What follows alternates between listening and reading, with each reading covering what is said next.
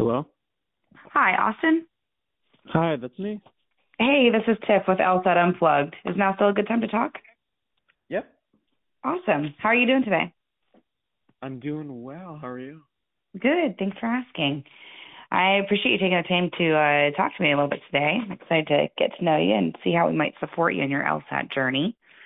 Um, do you want to start by telling me a little bit about where you're at so far? What led you to book this call? Um, yeah. So, um, currently uh, a senior. I am graduating in uh, fall of 2024. Okay. Um, I am. Uh, I've just started on the LSAT journey. Um, I'm taking it. I'm taking the uh, LSAT in August to avoid the uh, logic games. Okay. I don't Awesome. have a cold score yet. I don't have a diagnostic, so Okay. um, would probably be doing that relatively sooner um, than later. Um, uh, but yeah, that's about it. Um, very excited about it, but just kind of Mhm. want um, either some tutoring, some prep, just you know, just something to help. Okay. Cool. So you're kind of open right now as to what sort of support and study prep you're looking for? Yeah, I would say so. All right. Awesome. Cool. Well, um, since you've just barely started, do you have a read yet on like which section is your strongest or which section you're struggling the most with or are you not really sure yet?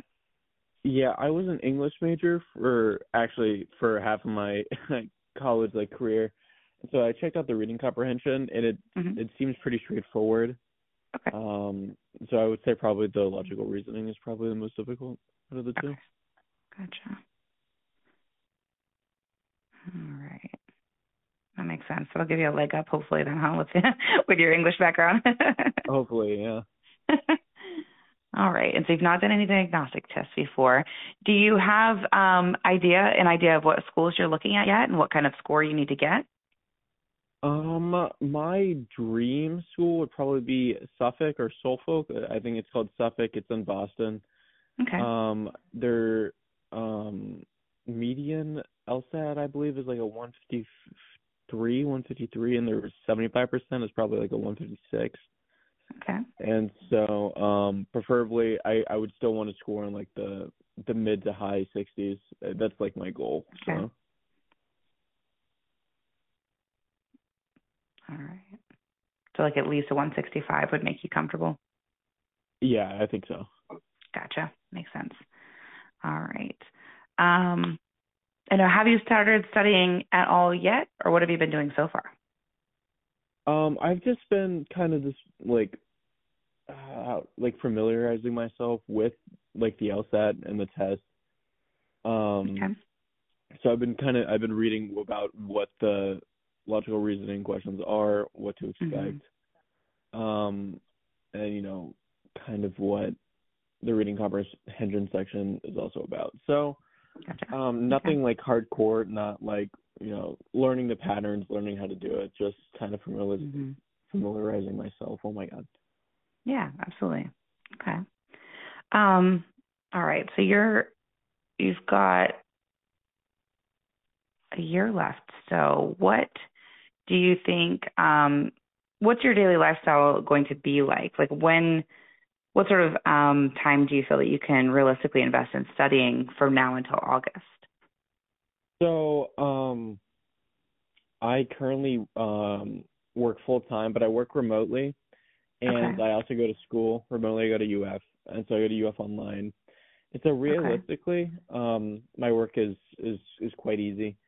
Um, so it, I can probably study where anywhere from I would say like twenty to I would say forty, and I would say probably like thirty to forty hours a week, um, Okay. if possible, or you know. But I'm a very slow like learner. I like to like understand deeply, like Okay. at my soul level, um, the Mhm. concept. So that's why I would say probably it's a I want to stay study longer each week. Okay. Gotcha. Me take it slower. Okay. All right. Awesome. Well, I think it's great definitely that you're looking at starting now, you know, to give yourself that good, what, eight months, seven months, I guess. We're into January now. It snuck up on me. Yeah. But yeah, that's a good long time to, to give you, you know, to to really get to where you need to be then to get that 165 plus by August. So awesome. All right. Um, I think especially with 30 to 40 hours a week, you should you should be in great shape by August. So I'm really excited for you to to be able to get there. Excuse I'm, me. I'm making sure I have all my options ready and kind of just wanting yeah. to maximize my chances. Yeah, absolutely. Well, and the longer you give yourself, the better off you are, you know. So. Mm-hmm. Oh, excuse me, I've had such a sore throat. okay. So I think um, from where you're at right now um, and where you want to be, you know, scoring at least a 165 by August, um, I definitely think our, our small group coaching membership is going to be a really excellent option for you. Um, it included with that is a day by day study plan. So what we would do is have um, an onboarding call with you and kind of get all of the specifics. If you've taken a diagnostic at that point, that would be super helpful um, you know, to give us kind of your starting point, and then um, we'll we'll get you a a day by day study plan to take you from now through August. You know, so a very clear roadmap, so you know exactly what you need to be studying. You know, day by day, week by week. Um, to make sure that you're making the progress that you want to, and that by August you're ready to get the best possible score.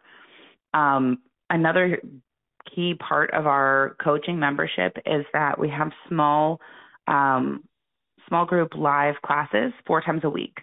Um, so it's Monday through Thursday in the evening, and each one focuses on a different section. So they are standalone classes. Um, so if you'd ever need to miss one, that would be totally fine. You know, you can just start fresh with the next one. Um, but we have our our tutors um, teach those classes, and then we also have peer-led study groups before and after those classes. So if you want to review with the other you know peers that are in those classes with you, you've got that available to you as well. Excuse me. I hadn't talked really this morning yet. no, you're good. Me neither. It's, it's getting my throat. I apologize. I woke up and I was like, cool, yeah, I feel better than yesterday. Maybe not. but does that sound like the type of study support that you're looking for? Yeah, I would say so. okay, awesome. Well, what I can do is get you set up with our six month membership um, and just set that up to take you through your August test date. And that is twenty four ninety seven, and that'll include all of that as well as all of our um, our library of resources too. So as you get into the nitty gritty and you need extra support in certain areas, we can point you in the right direction for. There's hundreds and hundreds of different um, resources. Gotcha. Um, can I ask you a question? Sorry, oh, mm-hmm. I have a sore throat now. um, would you I spread it to you through the phone. yeah, honestly um, would you mind sending me an email, um, kind of mm-hmm. just explaining like what's included in the package? Um, yeah. I just kind of want to know and and make sure, and then how I mm-hmm. how would I go forward after this email? Would I just email you back and be like, hey, I'm ready, or? I can actually send you a link to sign up. Excuse oh, me. And we do we do also offer financing through Affirm. So if that's something that would be, you know, if if financing it through payment options would be more aligned with your financial goals, you can do that also and it's the same link. You'll just see that at the checkout page. Um, gotcha. So yeah, I can go ahead and send that over to you here in just a minute. And then um, if you've got any questions, just email me back. Or if you um, you know get through everything and seems like what you you know the support that you're looking for, you want to go ahead and sign up, then you can just use that link that's in the email. And then um, you'll be prompted from there to, you know, you'll create your login and everything, and you'll get an email with, um, you know, next steps of creating, of um, scheduling your onboarding call so you can get all your Perfect. info to set you up for your your day by day study plan. And you'll get links and everything too, so you can start joining the live classes right away. They're Monday through Thursday, like I said, so you can even join tonight. Oh, great, perfect. Well, thank you so much all for right. your help. I know yeah, it's a pretty early call, but um, you know? I'm in Eastern time, so it's nine. I'm good. oh, okay, good.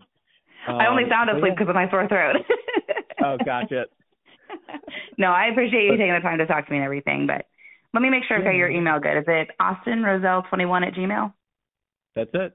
All right, awesome. Well, I'll get this right over to you. And like I said, just reply to it if you have any questions, or else I'll have the link right in there for you. Great. Thank you so much. All right. Thank you. Take care. You as well. Bye. Bye. Hello. Hello. Hi, Carl. Yeah, this is Michelle from LSAT Unplugged. Hi, Yeah, I sorry I missed I missed your call. Yeah, Um, yeah, I couldn't get a hold of you. Um, so how have you been doing today? I didn't hear you. Yeah, how have you been doing today? I'm pretty good today. Um, how are you? Yeah, I'm great. Thanks for asking. So, Carl, All I'd love to know more about your LSAT journey and what's been going on these days. What are your plans and what what's led you to book this call today? All right. So I I I put like a, a little note in there about where I'm at and Oh, yeah. um like so yeah, so I've been like around that 146 147 area for a while and I can't seem to get I'm going to need another 10 points in order to be um, accepted into the school of my choice. And I, I just, I'm really frustrated on, um, on how to get to that point. All right. Um, I, you know, I can get two games in. I need to get another. I need to be able to get another game in. I'm too slow, I think, on them, and sometimes the language gets me. Um, I I have a pretty good understanding of them, but sometimes the All right. language and and also not only the language, but of course um, the test day um, anxiety and stuff kind of gets the best of me. Um, um, so the games are uh, probably my biggest issue. I think I need to get at at least I need to get three games in, and I think that I would be good there. Maybe a little. I need to get a little better with in comp as well. All right, that makes sense. And the all right, so you've been struggling a lot with the logic games, and you mentioned that you are struggling with the timing, right? The concepts are not too bad, but the wording and the timing of the logic games.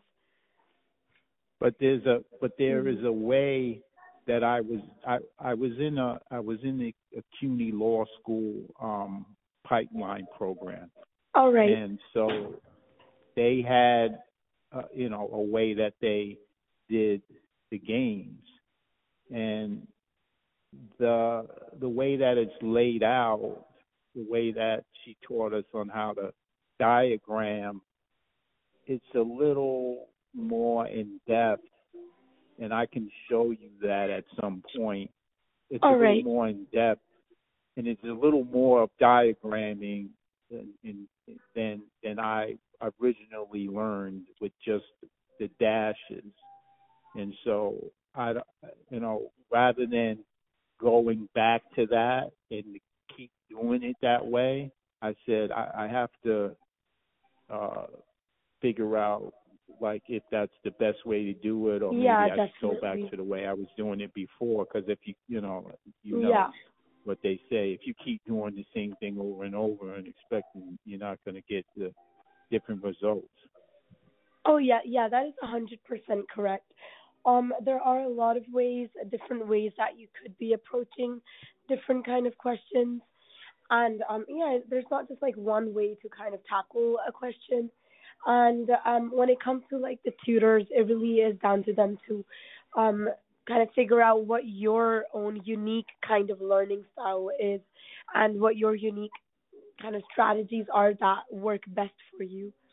So um yeah, if you're doing something and it's not giving you the results that you want to see, then it definitely makes sense to kind of switch up your strategies and see if that gives you better results. So um yeah, for sure. And other than that, what have you tried so far? So you mentioned that for um the school that you are aiming to apply to, you need at least those 10 points, right? Yeah, So- at, at Mm. ten points, ten points would get me in with All probably right. with no problem. All right. like the mid fifties, I need to be shooting for. Yeah. All right. mid mid-fifties or above. Yeah. All right. Yeah, that's really not like um a very unattainable score. It's definitely doable with the right kind of guidance. So what have you done so far? Like, is has it all been self studying, or have you had um like a, what other kind of support have you had so far to kind of like bump just, up your score? Just, I, I have not been studying as much as I should be. I I was I really had gotten I, like kind of stuck because I didn't right. I couldn't figure out how I was going to get like the extra that extra ten points. So that's why uh, you know I I needed some help. Um Yeah. So right. I've been so I've been going to um there's a study group that um the, the the people that I know from from CUNY Pipeline have been doing, but they're doing a lot of the things that I've been doing all along, and I'm trying to maybe incorporate some of those things that are yeah. working, but try and get away from you know those those the way that they're doing things. So I haven't been going to I haven't been going to those study groups. All right. Yeah, I understand the frustration. Sense. Yeah, it sounds like you just need something a lot more personalized, kind of targeted to exactly what's giving you trouble. And I think you need someone to maybe work with you a lot more closely to kind of figure out the best strategies for you. If, if is that correct? I believe so. Now another yeah. thing is is that I have to take the April I have to take the April exam. All right, so April you're going for the April alpha. Right. All right. Got it. Okay. Um Another thing is this. Another yeah. thing is this. Very important. This is very important. This will be my last opportunity to take it. So it's important that I get get the score that I need. All right. All right. Yeah, yeah, definitely. That is um yeah, it's definitely important that you do not need to um you know, take a weak test. Like you do need to get the scores that you want. And uh honestly I would say that as long as you are consistent and you have the right kind of um support, but that being said, like um, a much more personalized kind of approach to the LSAT prep. Um, from now until April, you definitely do have enough time to get your score where you want it to be, like 10 points. Um, we see a lot of students who come to us and they are facing like the same kind of frustration. Um, sounds like you've just been stuck in like that plateau and you're not being able to like break out of that plateau. So um, we definitely understand why it needs to be very, very personalized. And um, I do believe that will be able to help you get um out of that just like break into at least the mid 150s if not above uh by April like it's definitely um enough time as long as you have the right kind of strategies so so um yeah for the April LSAT I would definitely um advise you to go for some one-on-one sessions along with our um, group coaching that we have. And um, also for your uh, law school applications, when are you planning to apply to the law schools? Is so it the upcoming would, cycle? Yeah, and then I would I would I would have to tell them that I'm you know that I'm going to be taking that April LSAT. All right, so it's the upcoming cycle, and you're going to send in your applications. Um, but then you're going right. to be waiting so on school, that score. Mm-hmm. The schools that I want to get into that they're only going to take up to that April LSAT. They're not going to take anything after that. All right, got They're not it. going to take any LSATs after the April. I think the next one would be June. They're not going to take that. Got it. Okay. Yeah, yeah. The next one is June. Um. All right. So yeah, we can definitely help you out with that. Um, Carl, I would love to explain to you more about exactly what our um, coaching looks like. So it is very, very personalized to um, helping you get exactly the kind of score that you're aiming for and make sure that you do get into the school that you are aiming for. So, would you like to hear more about what the coaching looks like? Yes. All right. So, um, yeah, so as I mentioned, firstly, we are going to work with you very, very closely to just figure out exactly um, what your problem areas are, uh, what you have tried so far, what has worked, what has not worked so far. And what we do is we create a very, very personalized um, strategy and a uh, study plan, like a day by day study plan for you and for your April LSAT.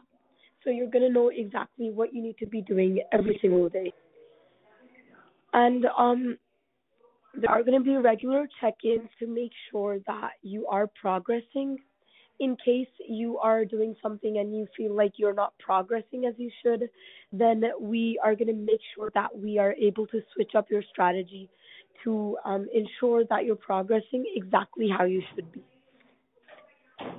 So, um, specifically, how the coaching works is that you are going to be having live classes uh, they're from Monday to Thursday, so one hour each. And they're very small and focused groups. And over there, you're just going to be going over all of the different kind of questions, the curriculum, and the, there are also study groups. And you are going to have all of the resources you need to be completely prepared for the LSAT. And um, in addition to that, my recommendation would definitely be to go for some one on one sessions as well uh, with our coaches. So um, we have really good coaches. All of them have scored um, at least above a 170 or mid 170s. And um, the best thing about those coaches is, of course, that they are going to uh, adapt to your unique kind of learning style and make sure that if you cannot understand like one specific way of doing something, we're able to like help you uh, use different kind of strategies. Does that make sense? Yes. All right. So, um, uh, what does your schedule look like? Like, how many hours per week do you think you could be dedicating to the prep?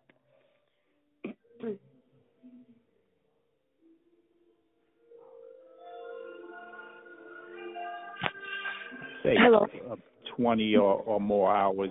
All I'd right. say 20 or more hours a week. All right, that sounds good. That sounds great. Um, we usually recommend about um, exactly 20 hours per week. Uh, you don't need to invest too much more than 20 hours as long as you're using those, um, you know, as efficiently, effectively as possible. So, um, yeah, what you're going to be doing is uh, with each one-on-one session that you have with the coaches, potentially you're going to be increasing your score with every session you have. You are going to make sure you don't make the same mistakes again. We are going to work on your time management as well. Make sure we can get in, um, you know, more of those logic games, as you mentioned.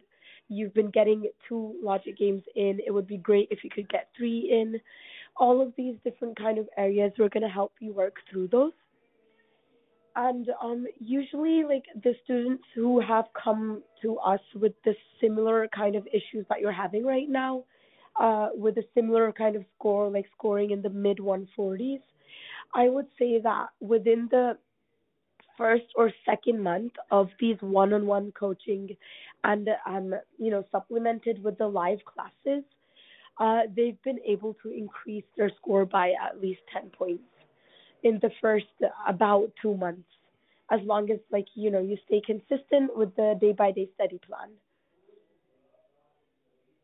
Mm-hmm. Yeah. So by April, I would say that as long as you are staying consistent, uh, you have about 15 to 20 hours per week to dedicate uh, you should be increasing your score by hopefully uh, more than 10 points. Okay. Yeah, like the goal is to break into the 160s, hopefully, like the mid 150s or 160s. That, that's the goal, I'd say. That would be great. Yeah. Okay. How do we get started? Uh, yeah, so I'd love to help you get started um, right away. Uh, so we have different options to sign up. Are you ready to sign up um, today? Like I can guide you on getting started um, over this call. Yeah, just let me know what. I don't know what I can sign up today, but it's depending on what you're telling me. All right. So um, we have different kind of options uh, for the coaching. Um, for the April exam, I definitely recommend the 20 hours. Uh, that would be the one that you'd want to go for for April. So um, if you pair the 20 hours of working one-on-one with the coaches, so these are the um, individual sessions, the 20 hours. You can pair that with also the group coaching that I mentioned, that the daily life classes that you have. So you could go for three months of those. That would be the perfect kind of um, balance, I think. And um, I can just send you an email. And what you can do is, like, when you click on that link, it, it's going to take you to the sign up page, and you can get signed up from there, from the email that I, I sent you. Okay. Yeah.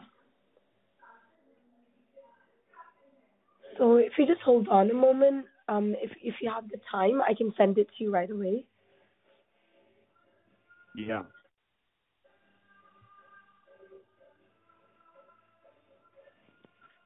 All right. Just hold on a minute.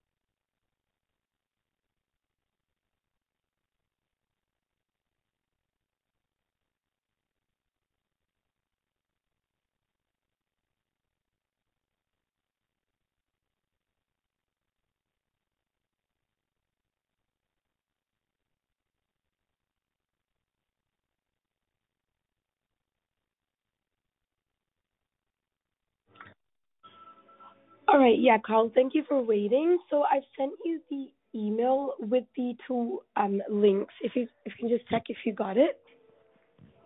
All right, hold on.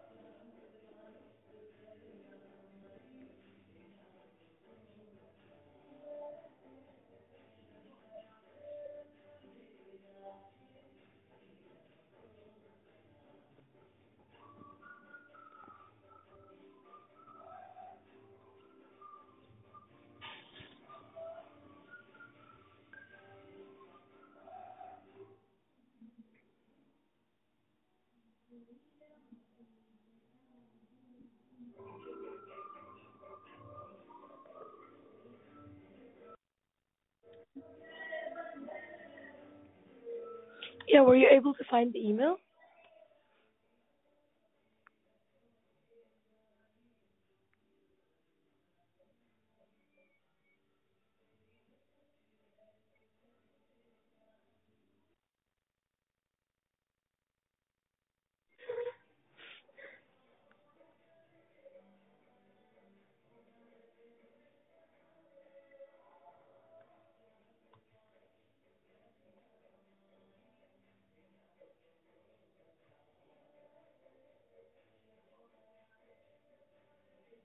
So that your total is thirty seven fifty. Yeah. All right. So um, thirty-seven fifty is for the one-on-one session. So these are just between you and one of our instructors, and it's um without any other people. So it's going to be one-on-one sessions. So these are twenty hours of those sessions, and from now until um April. So that is for thirty-seven fifty. And then if you look at the uh, three-month immersion plan, so that is basically the group Hold coaching. Um, Hold on a minute. Hold on a minute.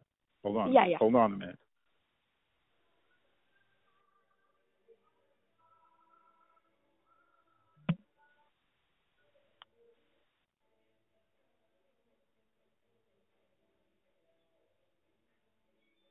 Oh yeah, I see the. Can you hear me? yeah, yeah, I can hear you. So you got a three month immersion plan at fourteen ninety seven. Yeah, that's Mhm. the group coaching. So, firstly, I recommend going for the 20 hours, um, the 3750. So those are the one-on-one sessions, uh, which are definitely going to make the biggest difference on your, um, you know, score. So, um, when you sign up with that, you are already getting a month of free uh, group coaching. And then you're going to need about three months more of the group coaching, like if you want to keep that uh, the group coaching, the daily live classes as well. So in that case, you can also sign up for the three month plan as well. Does that make sense? No.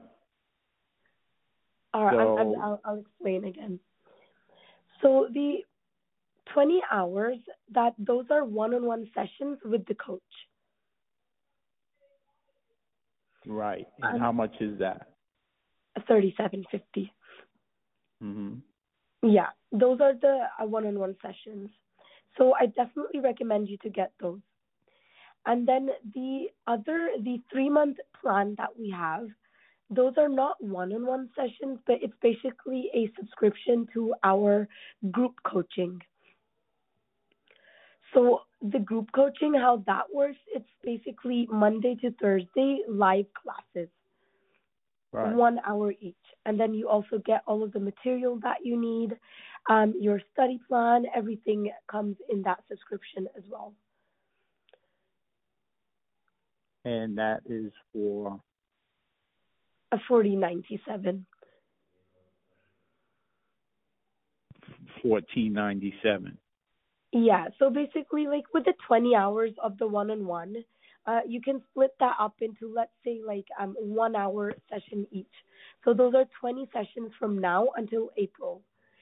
Um but if you also go for the group coaching as well, then um, the advantage of that is that whilst you're having those 20 sessions, you are still going to have like daily classes as well, um, apart from those one-on-one sessions.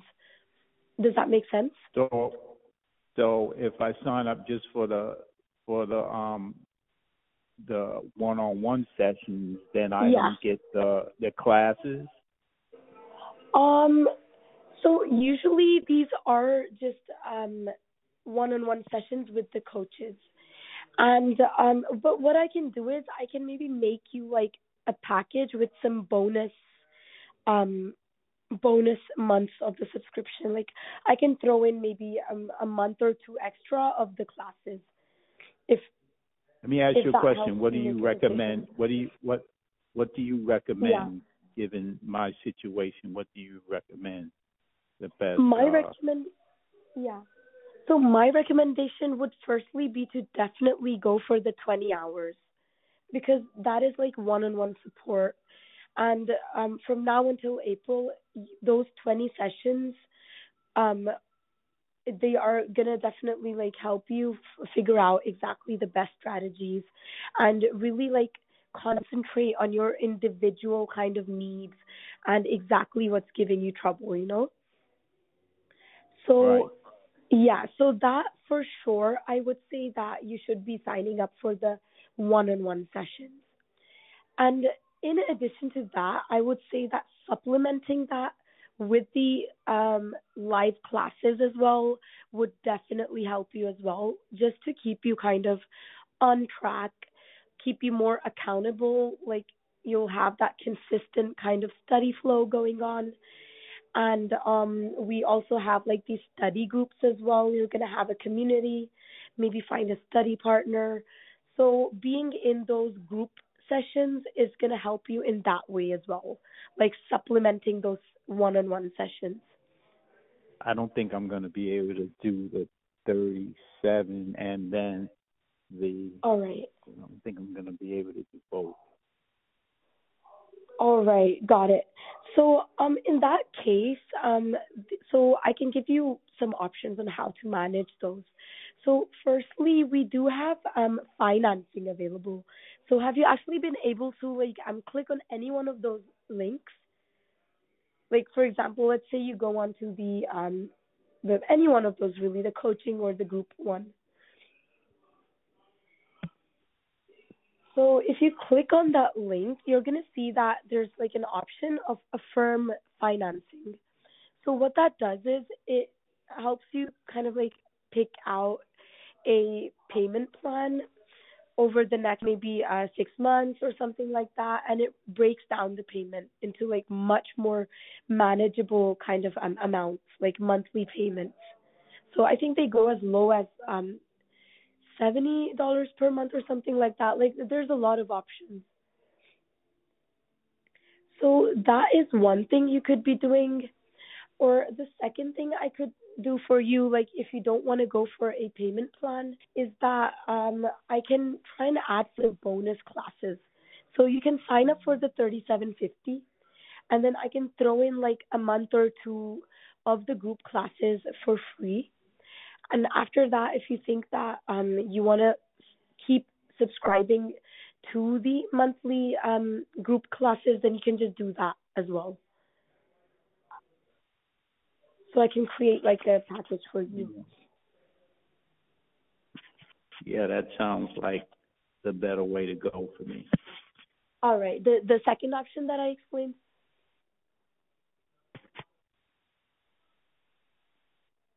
All right. Yeah, I'd be happy to do that. So what I'll do is just give me a minute. Um I'll just confirm with my um manager that I'm able to just throw in like some extra time for the group classes as a bonus because usually of course um they don't come with the group classes.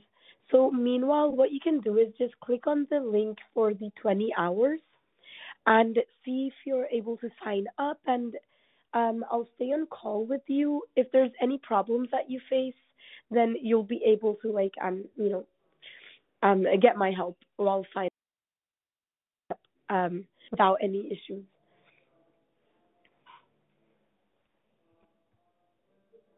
All right.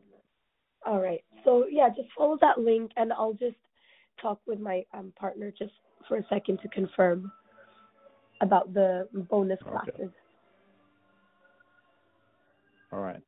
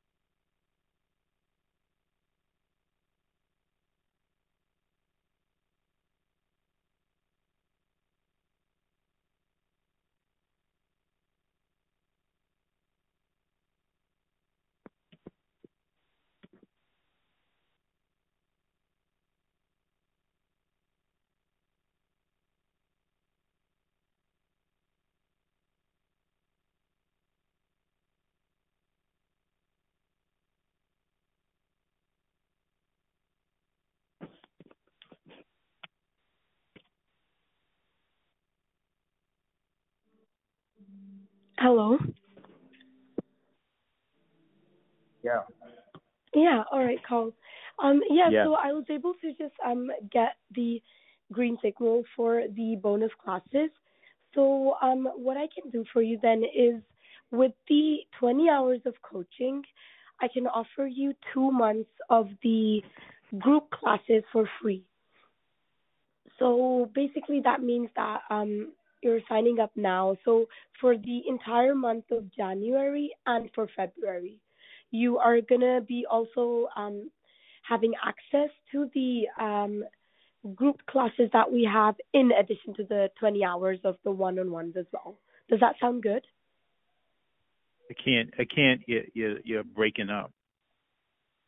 Oh, all right. I'm just a moment. Yeah, are you able to hear me better? Yeah, I can hear you now. All right.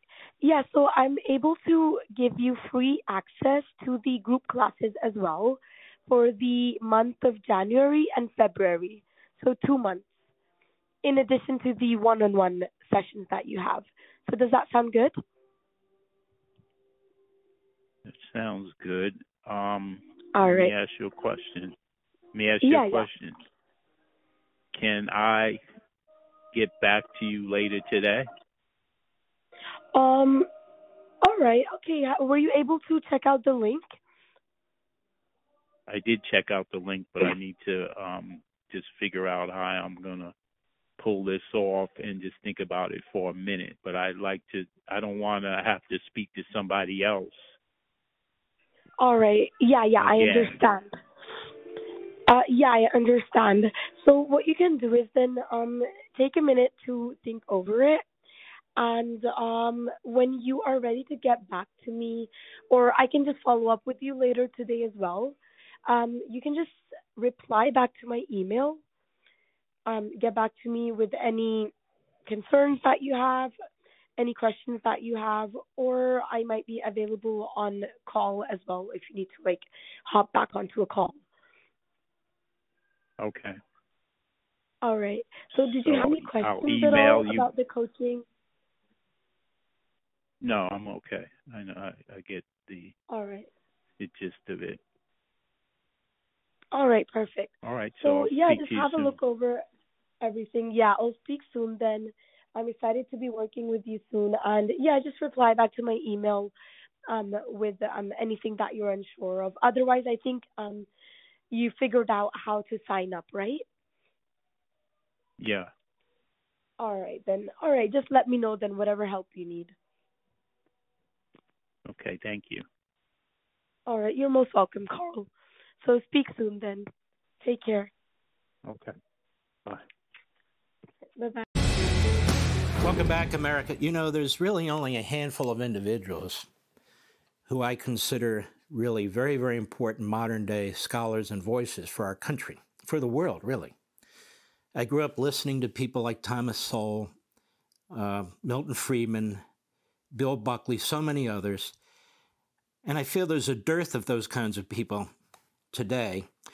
But one of the people who I respect and I view that way is Douglas Murray. Douglas Murray is obviously a Fox News contributor. He wrote a fantastic book, The War on the West. He's an associate editor of The Spectator, National Review Institute senior fellow. But I want to talk to you today, Douglas Murray, about what's happening to our country. I saw you debating one of these reprobates not long ago. I think it was on Piers Morgan's show. We hmm. actually have individuals in our country now, throughout our media, throughout the Democrat Party, obviously throughout much of our culture, who, in my view, take the side of genocidal terrorists doing the most atrocious and horrific things to fellow human beings. And we see hmm. these people, they're in our own country. They're in the greatest country on the face of the earth. And they're given, you know, TV time and they're given radio time and they're given all kinds of time as if their point is legitimate. What do you make of that? You're absolutely right, Mark. I mean, you know, I, I obviously from Britain originally. I spend most of my time in uh, America these days, although I've been in Israel for the last few months. I'm um, always sort of amazed by the way in which we nurture, cultivate, and encourage in our societies in the West today people who obviously hate our societies. Uh, you see it everywhere. You mentioned some of the people I find myself debating uh, these days. You can predict with 100% uh, accuracy what they're going to say on any subject. Um, the people who, for instance, have spent recent months trying to rile up their audiences of malcontents against Israel, the the people who try to rile up people uh, in the cause of the Palestinians of Gaza, they are always the same people who turn out on the streets of America and protest against America and everything to do with America. They're exactly the same people who live on this hair trigger where any opportunity they have uh, to defame America, they'll do it. It's the same across the whole of the West. We have nurtured people within our midst of a bewildering variety of backgrounds, it has to be said, who just seem to hate everything about us. And I always think, I mean, I'm one of those rare people perhaps who actually feels incredibly grateful for the societies we're lucky enough to live in. I don't take any of it for granted because I've traveled around enough of the world, reported from enough of the world to know that what we have in America is unbelievably unusual, not just by historical standards, but by the standards of the world today. And so when I see these people who just want to rip the whole thing up, want to rip everything about America up from the founding onwards, I just want to say to them, go and live somewhere else. Go and try this somewhere else, not here. So well said. I mean, these so called paradises, none of them live in Gaza. None of them no. live in Iran. none of them live in Lebanon. Uh, you have these sort of Marxist forces within the United States, whether it's based on genitalia or race and so forth and so on, attacking Israel, effectively, if not directly, indirectly praising these regimes, you have to assume. And yeah. yet they want nothing to do with them. They will never go there. They will never. They will never uh, live there. Same with our country. Your point's well done. They trash mm. this country, but they will never go and live in communist China or Cuba or any of these other places. No. no? No, uh, they never do. And and as far as I can see, the plan they have for America is the same plan that their predecessors always had, which is tear it down and then see. I mean, one of my favorite stories is that marvelous uh, um, passage in Tom Wolfe's great essay, Radical Chic, about the Black Panthers. When all of these, you'll remember the story of these, uh, the Black Panthers are being entertained at the Bernstein's exquisite apartment in New York. And uh, somebody says to the Panthers, uh, you know, but but what are you going to do the day after the revolution? What are you going to do? And this panther says, "You can't put a blueprint on the future, man." And the reply comes, "You mean you're just going to wing it?" Now that's essentially what we're dealing with with the best of the radicals in America today. They just want to tear down what we have and then wing it. Others, as I don't need mm-hmm. to tell you, Mark, have a very clear plan indeed. It's an interesting point you raise there because uh, Vladimir Lenin said the same thing. He said Marx tells us mm-hmm. how to conduct a revolution and what the purpose of the revolution is, but he doesn't tell us how to govern. But we see how no. they govern. They govern like genocidal maniacs. They try to control speech and thought processes. They develop these big police states we see how they want to govern. So let me swing into this and ask you this question. So when you hear Joe Biden and Blinken and these other real know nothings talk about a two state solution, let me suggest this to you and I'd like your reaction. If, in fact, in the 1990s, Bill Clinton and Ehud Barak and Arafat had a deal that actually created this two state solution where almost 100% of Judea and Samaria was surrendered to the Palestinians, about a third of Jerusalem was surrendered to the Palestinians, and on and on and on. It's my argument that two state solution would have been a final solution because there's no way Israel can defend those kinds of borders against what it's up to today. Hey, Sean Hannity here. Hey, click here to subscribe to Fox News YouTube page and catch our hottest interviews and most compelling analysis. You will not get it anywhere else counter-terrorism course for government officials has called Douglas Murray and others far right and even discussed how he should be deplatformed on social media. Joining me now to discuss this live from the West Bank is who other than author Douglas Murray. Um, good afternoon to you, Douglas. Good afternoon, Julia. Um, thank you very much for joining us. I have to say, I, I found this absolutely extraordinary when I when I saw this. This is a, a first-person piece written by uh, a, a, basically a former British civil servant who got sent on this this course and um, and was quite, I think, befuddled by by the by what was being talked about on this course um, because it was absolutely extraordinary. It was a King's College counter-terrorism course for UK civil servants organised by the Centre for Defence Studies, designed for civil servants and professionals in counter-terrorism. And attending were staff from the Foreign Office, the Justice Ministry, Ministry of Defence and the Home Office. And facilitating this were senior lecturers from the Security Studies Department. You'd think pretty sensible people dealing with pretty important stuff, life and death stuff. Um, a lot of their stuff was talking about postmodern identity politics. They described terrorists as, you know, one man's yep. freedom fighter. Um, even when talking about whether or not there should be a judgment, any subjective thought on whether or not it was reasonable to call some people, like Hamas, uh, freedom fighters, um, that was kind of poo-pooed uh, away. Um, they talked about uh, um, about social media, and that's where you came up. And the lecturer argued that um, Douglas Murray and Joe Rogan, a man I know you know as well, are both examples of the far right, and said, to what extent should Joe Rogan and Douglas Murray be suppressed? They have millions of followers. To deplatform them would cause issues, um, but um, society needs to find other ways to suppress them. Your response to that, Douglas?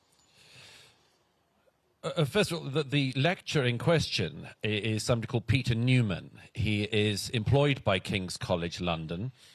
King's College London, incidentally, has taken tens of millions of pounds of funding in recent years from the government of Qatar, who, of course, are currently playing host to the leadership of the terrorist group Hamas. So I think there are a lot of questions that King's College London needs to answer about its funding and its connections to the terror sponsoring state of Qatar.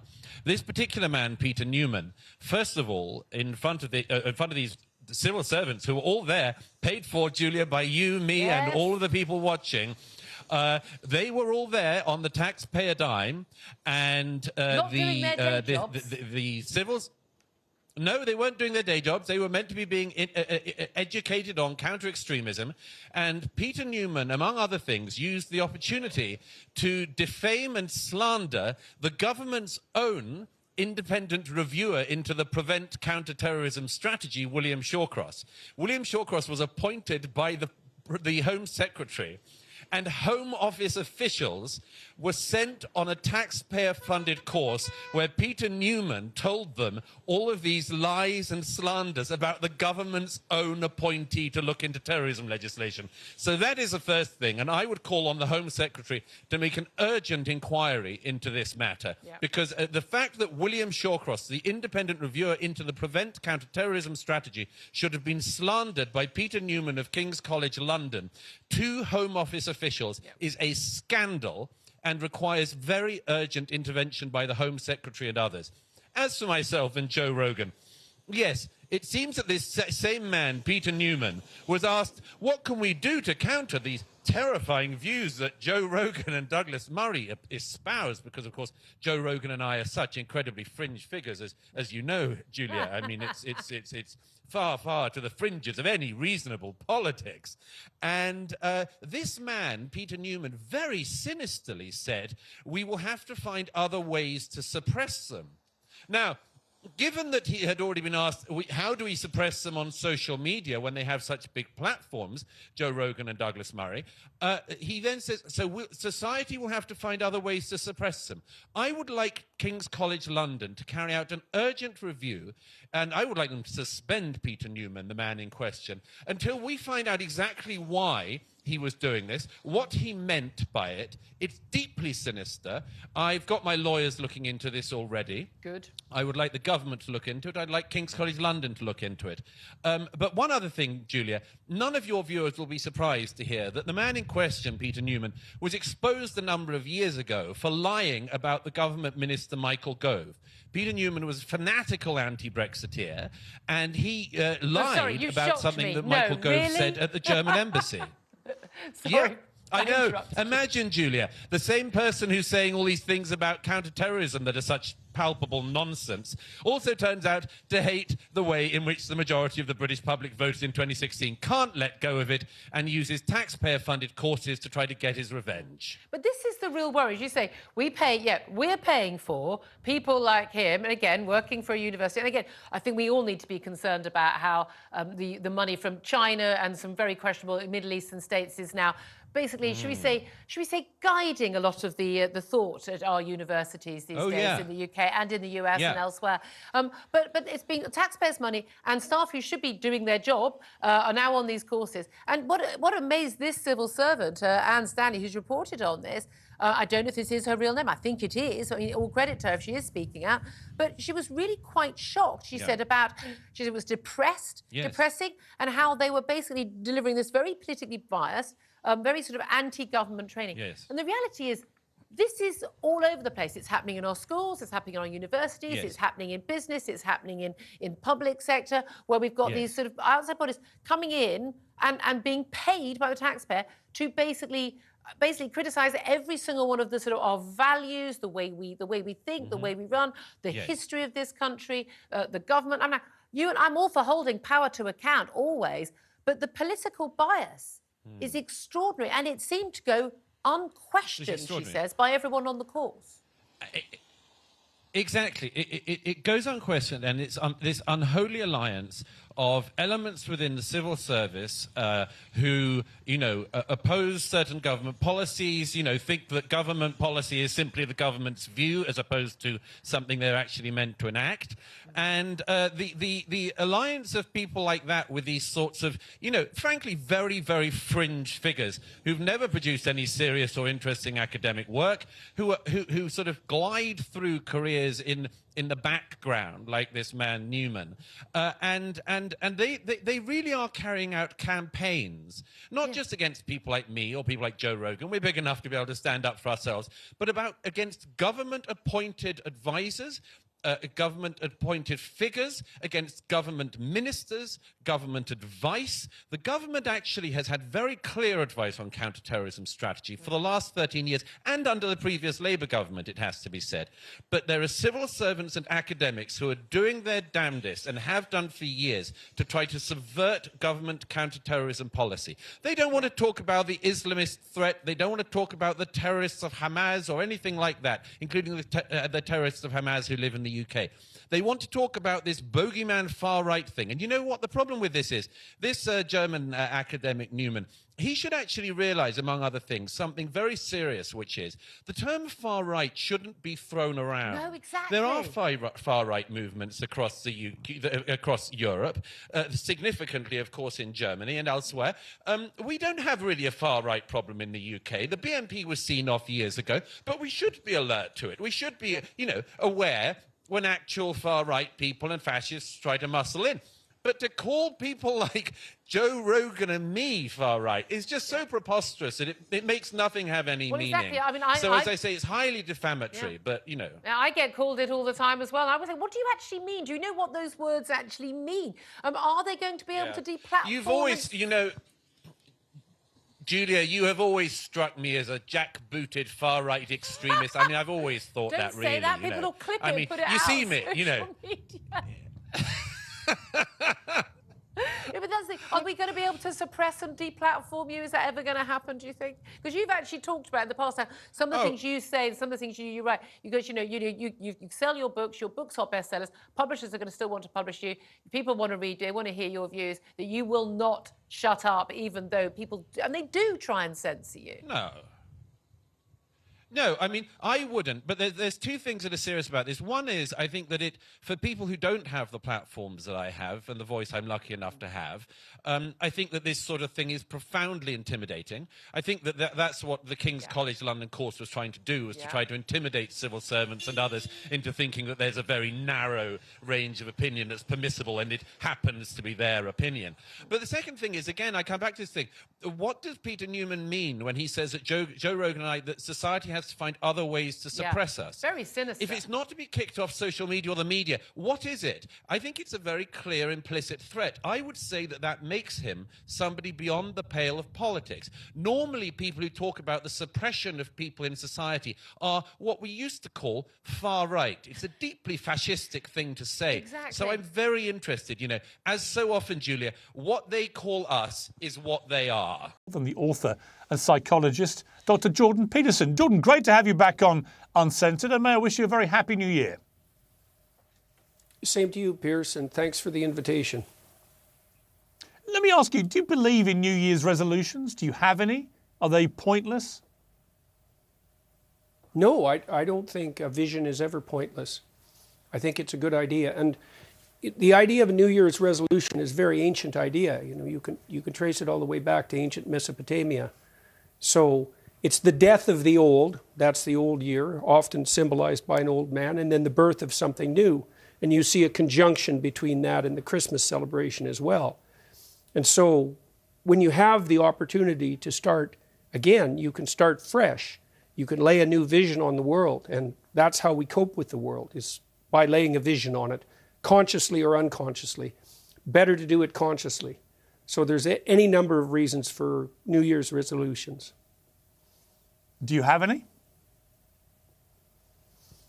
Well, I make plans all the time, so I don't specifically have New Year's resolutions per se. Um, I've built that process of making plans and generating visions into my life for a very, very long time. Uh, we developed software to help people do that. There's a site called selfauthoring.com that helps people elaborate out a future vision, for example. And so it's something I do on a very regular basis. The other thing that's happened to you in the last uh, since we last spoke to each other is you've become a grandfather again. A daughter, Michaela, gave birth to a little boy, George, and there's a lovely picture that our viewers are now seeing of all of you together. Let me ask you, Jordan. You've spoken a lot about being a father, about parenting. What's the difference between being a father and a grandfather? Well, I think what, what's the colloquial way of dealing with that? I, as a grandparent, you have all the pleasures and none of the pitfalls, essentially. you can stand back farther. You can be just more pure fun as well, because the primary responsibility for disciplinary interventions, at least in principle, has been devolved to your children. And then it's very interesting to watch them do that too. And it's reasonable for you to take a back seat because, well, it's now your children's responsibility to deal with their children. And you can stand in the background and be good fun and wise counsel. And that's a very good deal.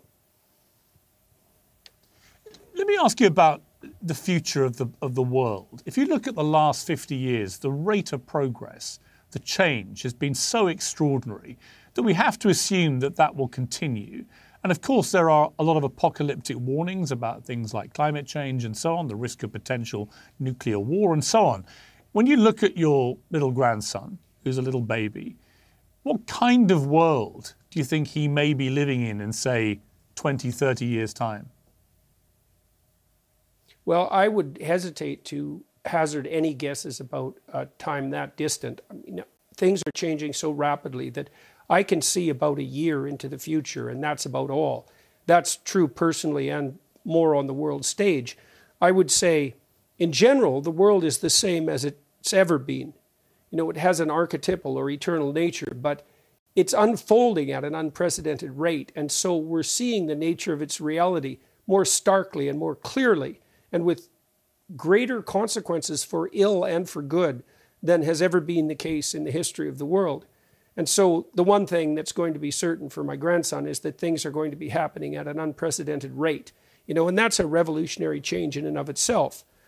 Um, I think that the future isn't written in stone, so to speak, and that we all have the option to tilt the world uphill or downhill with every word we utter and everything we do. And what that means for us now and for my grandchild is that the world that's going to unfold could be a far better place than it's ever been, perhaps even inconceivably better, or it could be a hell that would make World War II or Maoist China or Stalinist Russia look like a warm up.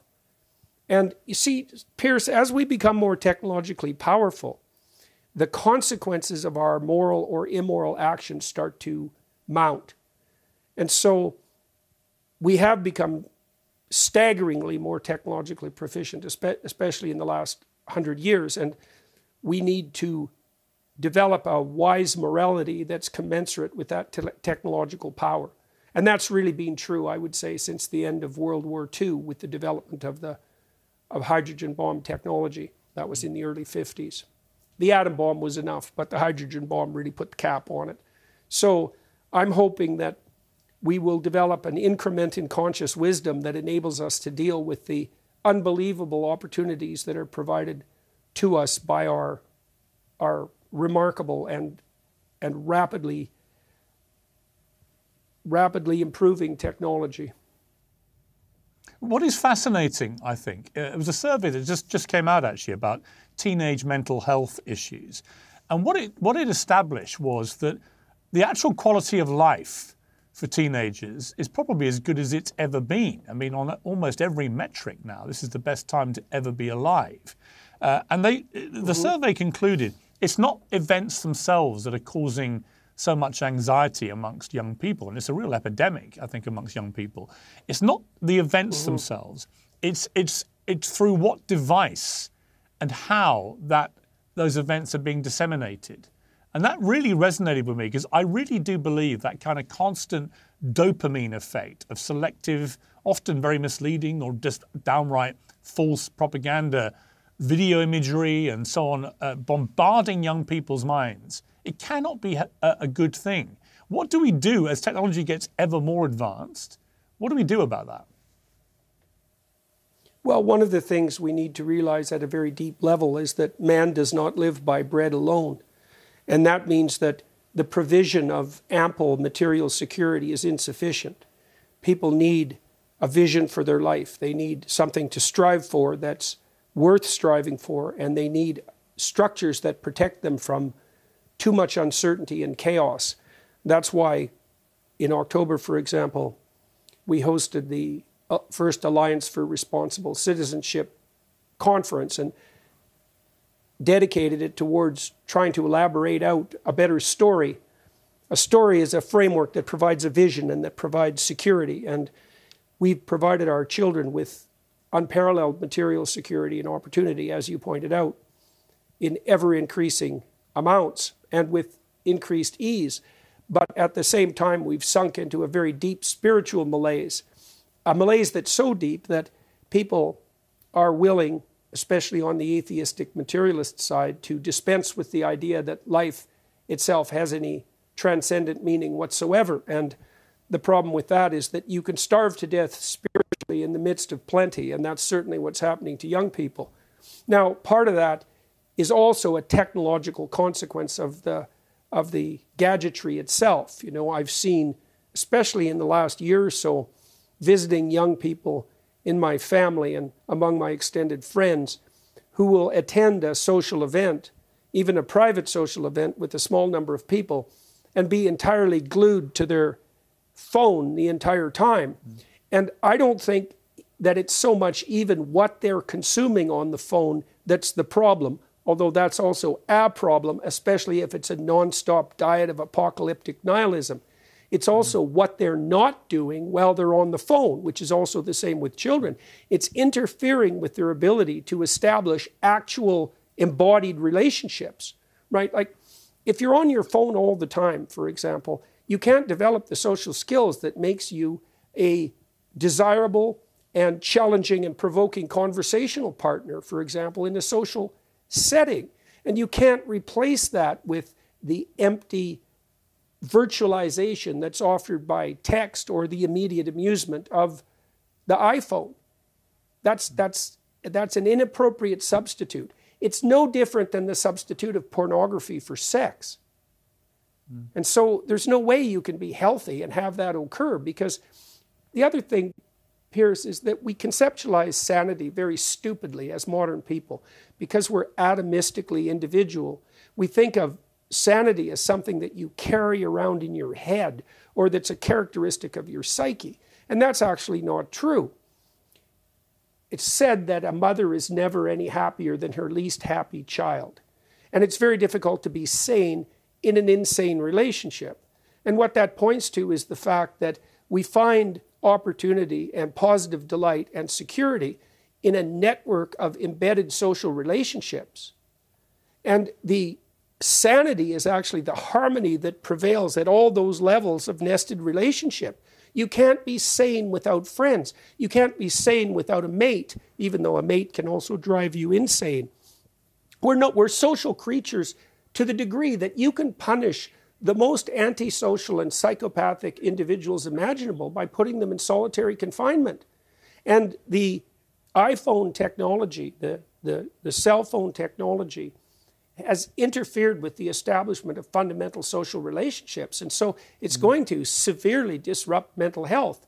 And then the content, which you pointed to, is also an issue. Mm-hmm. Young people are being fed a, a constant diet of insistence that all human ambition is nothing but the manifestation of a planetary of a planetary devouring force, right? And that's the patriarchy, let's say. And this idiotic and absurd insistence that human activity per se is going to produce an environmental calamity of unprecedented proportions and immediately, you know, unless we all cut down on our living. It's no bloody wonder they're depressed. I mean, how can you not be depressed when you're fed that diet nonstop? Yeah.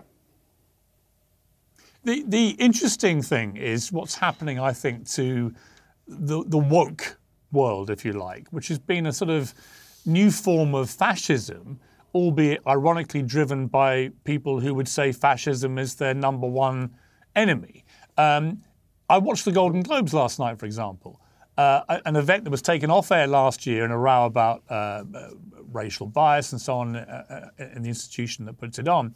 Uh, and it came back on, really fascinating to me.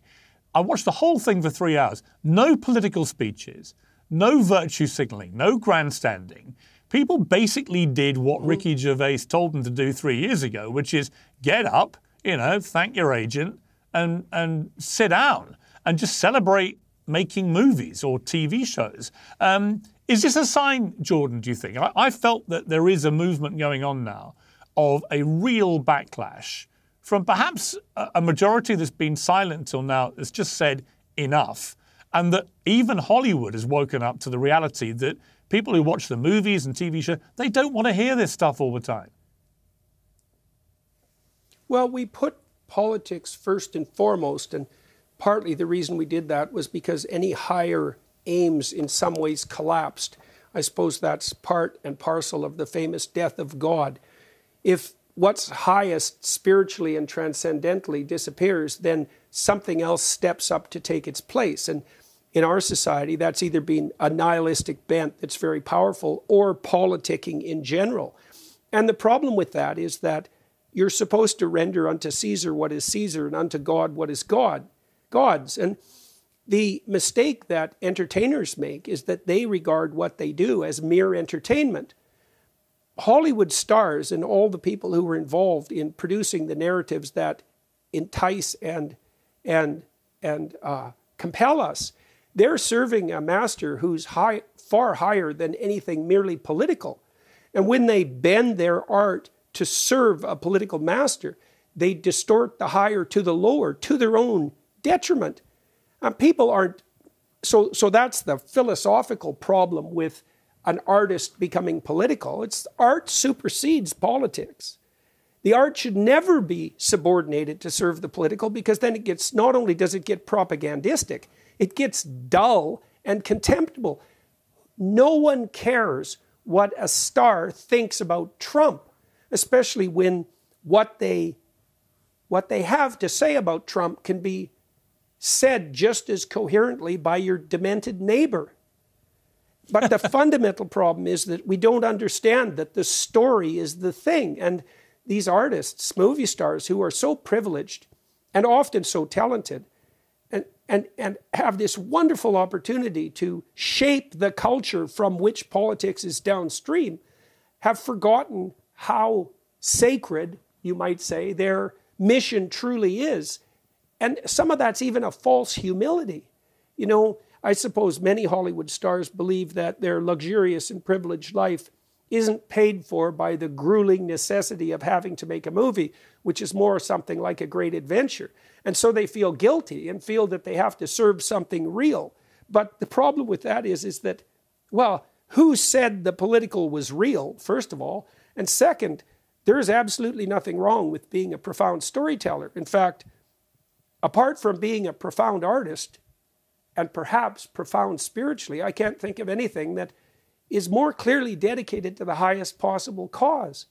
And when we forget that, we destroy art and we destroy the people who make it and we undermine our culture. And it's possible, as you pointed out, given this pullback, let's say at the Globe at the Golden Globes, that the storytellers are starting to realize that subordinating their venture to the idiot political, especially a victim victimizer narrative, which is the lowest form of the political, mm-hmm. is counterproductive in every possible way, including financially. Hence Disney.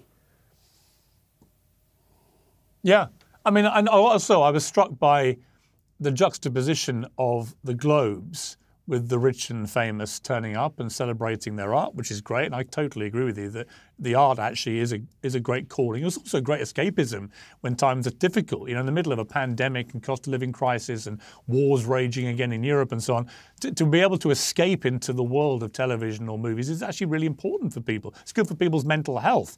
Um, but back in Britain we've had this dreadful scandal involving people who are not rich and famous. They're just ordinary, hard-working members of the public who were running little post office branches, delivering the mail to people. And because of a faulty Japanese uh, computer system, suddenly hundreds and hundreds of them were accused of fraud because the computers were malfunctioning. And they were, in many cases, put in prison. They were all given criminal convictions. Many suffered appalling mental health. Many lost everything they had. Four of them committed suicide. Uh, an absolutely appalling scandal. And yet here we are 20 years later with it still unresolved, no accountability. The woman who ran the post office at the time got honoured for her work, not punished the senior politician whose job it was to oversee this was so dismissive that he's now being lambasted by the victims, but remains a leader of a major party in Britain. Uh, and you've got this Japanese company, Fujitsu, who have seen no uh, reason so far to offer any financial compensation to these poor people. What do you make of that scandal? Well, the first thing I would say is that the rush that we're all engaged in to automate everything means that we can automate our willful blindness and our stupidity. And generally, willful blindness and stupidity are in more plentiful supply than wisdom. And we're in terrible danger of automating tyranny and, and, and what, yeah, well, willful blindness is the best way to put it. No, all these systems that we're developing are essentially equivalent to the unconscious mind. They're, Im- they're the implicit structures that shape our world. And you see this making itself manifest everywhere. So, your country, the UK, is completely covered with closed circuit TV cameras, right? We're automating, we're, we're risking automating a kind of tyranny that's absolutely unimaginable. And the problem with that is that, especially once you get AI involved, you actually don't know what's being automated. You don't know what biases and errors are being built into the system. And you're foregoing the possibility that those accused by such systems will be able to hold someone human capable of suffering for their sins, let's say, responsible for the, for the injustice. This is an unbelievably uh, major source of current threat. You know, I've been using ChatGPT and Elon Musk's Grok as research assistants continually over the last few months. And they're unbelievably intelligent systems and remarkably helpful as research assistants. It's like having a team of competent master students in multiple disciplines, more or less at your beck and call. But they also lie constantly. They, and they're biased probably because they've been trained on a surfeit of recent publications. Politically biased in a way that's absolutely unconscionable. And we genuinely risk automating our proclivity towards slavishness, slavishness and tyranny. And that's going to become a much worse problem. Uh, It's going to threaten us digitally because our digital identities are already controlled by quasi or half automated machines, and it's going to threaten us directly, as it did in the case of these postal workers. So, you know, you know, increasingly you can't move from country to country without going through a facial recognition system. You know, you're monitored by systems that will increasingly be beyond our understanding and beyond our control. And we have to step so carefully to put those systems into place properly that it's hardly imaginable. And we don't have the legal framework even in place now to ensure that that's going to be possible. Your digital self and mine as well have virtually no protection. And as you extend yourself out into the virtual world, there, that is you, just as your reputation can be destroyed virtually. You're extended now into this virtual space. And who has ownership over the you that exists in this virtual space is one of the main reasons for the recent strikes in Hollywood is that so many actors are really concerned about AI just generating their image and using it without their control or permission. And I can see that happening not just right. to actors, but to members of the public, uh, everyone, as you articulate. I mean, AI, it seems to me, is a, a, a bit like the internet when it first came along. It's an amazingly powerful tool which can do so much good. I can imagine in the world of medicine, for example, it's going to be curing all sorts of diseases that were beyond the ability of, of a human brain to cure. Uh, but simultaneously, I'm always mindful of what Professor Stephen Hawking said to me in his last te- television interview, which was that when I asked him what's the biggest threat to mankind, he said when artificial intelligence learns to self design. And you can see from Elon Musk and others how concerned they are. They are that we may be reaching the point where AI can start to think for itself. And at that point, it may just render humans redundant to their higher purpose. Well, that points back to a, a, point that we discussed earlier, which is the necessity of very careful movement forward on the moral front while we're designing such systems. You know, my sense is that, and I know the legal system is, you know, years behind in this regard, and that really means by normal standards, centuries or at least decades behind. The generation of someone's virtual image falsely should be a crime equivalent to kidnapping. And I don't know how long it'll take us to sort out the legal framework that makes that possible. Because essentially, part of what's extraordinarily valuable to you about you is your reputation, right? That's your social currency. It's also the fundamental axiom upon which your sanity depends. If you were raked over the coals sufficiently and your reputation destroyed, the probability that you would descend into a suicidal depression is extremely high, or that you would be traumatized by it, because your reputation marks your value among others, your currency.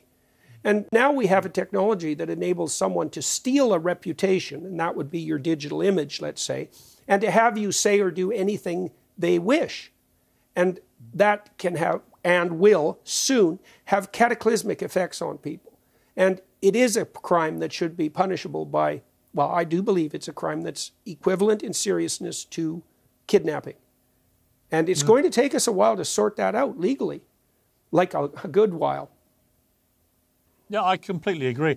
It's also going to be used, of course, in the political world for very nefarious purposes. Oh. A lot of propaganda being pumped up. We've seen it. I've seen it in the Israel uh, Gaza war. We're seeing it already in the build up to the American election later this year. On the on the U.S. election, I, have been here now for uh, yeah. ten days or so in America.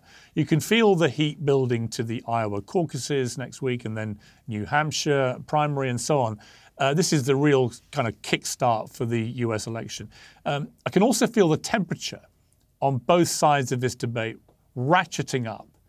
Uh, it seems to me that there's no short term solution to the toxic tribalism that infests not just the American political system, but the UK political system, in fact, political systems everywhere. Uh, what do you feel uh, about that? What, what is your, what's your sort of prediction for how you think this election may unravel here? Well, I think the danger of artificial intelligence generated false news skewing the election results is extremely high because you can imagine, and I can't even see how this won't happen, you can imagine the unbelievable utility of a well timed fake video account of Trump or Biden doing something clearly reprehensible, timed mere hours before an election. And I see at the moment absolutely no way that we can protect ourselves against such things. I think for me, at a deeper level, the solution to the problem that you're describing is a psychological solution that is inevitable in light of our increased technological power. People are going to have to understand more consciously that the errors that they propagate morally, the acts of willful blindness, pretending that they're doing something other than they are doing, morally grandstanding, outright lying or avoiding the truth. With all this technological power at our hands, the cataclysmic consequences of those moral errors are radically magnified.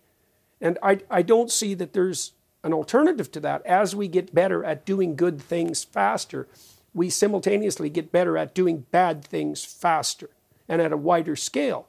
And, you know, I concluded decades ago, and this is partly why I stayed as a psychologist rather than, say, pursuing a political career, is that we've always known in the West that the weight of the world rests on our individual shoulders, right? The central story of the West is that each person is to take up their cross and carry it uphill. And that that's a divine calling, and that the fate of the world, in some sense, depends on that. And we're going to see Piers in the next 30 years. We're going to see, and it might be a lot faster than that, just exactly how true that is as the evidence for the world disrupting consequences of our hypothetically trivial errors start to become increasingly manifest, increasingly and rapidly manifest. Lay, lay, out the underlying archetypal structure of reality, you know, the endless battle between good and evil. And the most profound Commentators on such battle have always concluded that the fundamental line is drawn in the human soul. And if you want to get the demons of the world under control, you better start with the demons in your own skull. And if you don't think that's enough to keep you busy, that just means you haven't looked inside with enough what courage and perspicacity. There's plenty of disorder in your own soul to occupy yourself with for the rest of your life. And this is something uh, we're either going to learn this voluntarily, consciously, and wisely, or we're going to be beat to death by our own stupidity. And that's going to happen quickly in many, many ways. You can see it unfolding. Well, you can see it unfolding around us now. Hmm. So, two questions on the US election. Can Donald Trump win? And would it be a good thing for America and the world if he does win? Well, I think he can win, assuming that he'll be put on the ballot, as far as I've been able to tell. And God only knows how reliable the polls are, and generally not very, because the questions are usually biased unconscionably. He, he's certainly popular enough to win. I don't see another candidate emerging on the Republican side at the moment who poses a threat. There are some interesting people running, that's for sure. It looks to me like DeSantis is a pretty competent character, and Vivek Ramaswamy is, at minimum, very interesting and bright and quite the disruptive force. Um, on the Democrat side, you know, Dean Phillips, who almost no one knows about, and who the Democrats are doing, what would you say, everything they can to, to keep it that way. He's an interesting alternative to Biden. I don't think Kennedy has a chance, although there are some things about him I like. I think Trump could win. Will that be good? It depends on what he does if he wins. It depends on the manner in which the victory takes place. It depends on whether or not the people on the more conservative side of the spectrum are able to extend a welcoming hand to those who are more on the progressive side. And it certainly depends on whether those on the progressive side are willing to dispense with some of the ideological stupidity that possesses them that is generating an endless sequence of unnecessary culture war. You know, the, the left in particular has become 100% preoccupied with the most pathological possible political narrative, which is essentially a victim victimizer story. That you can understand every element of social interaction among humans, from marriage upwards to the political, in terms of who's got the power, who's the oppressed. And there's nothing in that but an endless recipe for not only for the most bitter of soul devouring resentments, but for the application of any form of vengeance imaginable. It's, I, it's, I can't imagine this is something that possesses the universities as well. There is nothing more toxic than a victim victimized narrative. And that certainly possesses the radical left in particular to the nth degree. And there's nothing in that but disaster. So, you know, it's part and parcel of what we've been discussing. There's going to be very rapid change, not least on the electoral front in the upcoming year.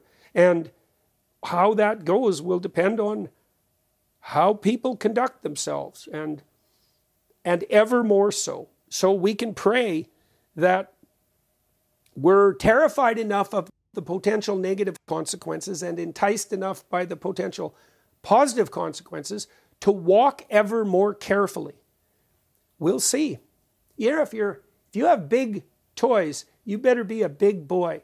And we don't have big mm. toys, we have giant toys. And they will stomp us into the ground unless we're wise enough to guide them properly. You know, the fascinating thing about Trump, for example, is I always say to people, I've known him a long time and know him very well. He's got the thinnest skin mm-hmm. of any person in public life. He reacts to absolutely everything and goes to DEFCON 1 with, in a heartbeat.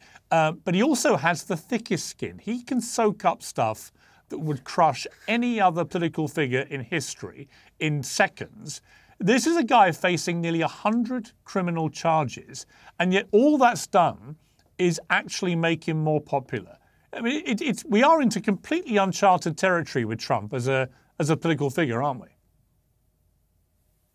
Well, I don't think the Democrats could have done a better job of keeping the name of Trump alive if they would have planned to do that. Mm. And it's certainly possible that in some ways they did plan to do that because the scuttlebutt among the political theorists that pass for wise men among the Democrats is that, well, if Trump is the candidate, then Biden can beat him. It's like, well, not necessarily. I wouldn't bet the farm on that, although that's probably already occurred.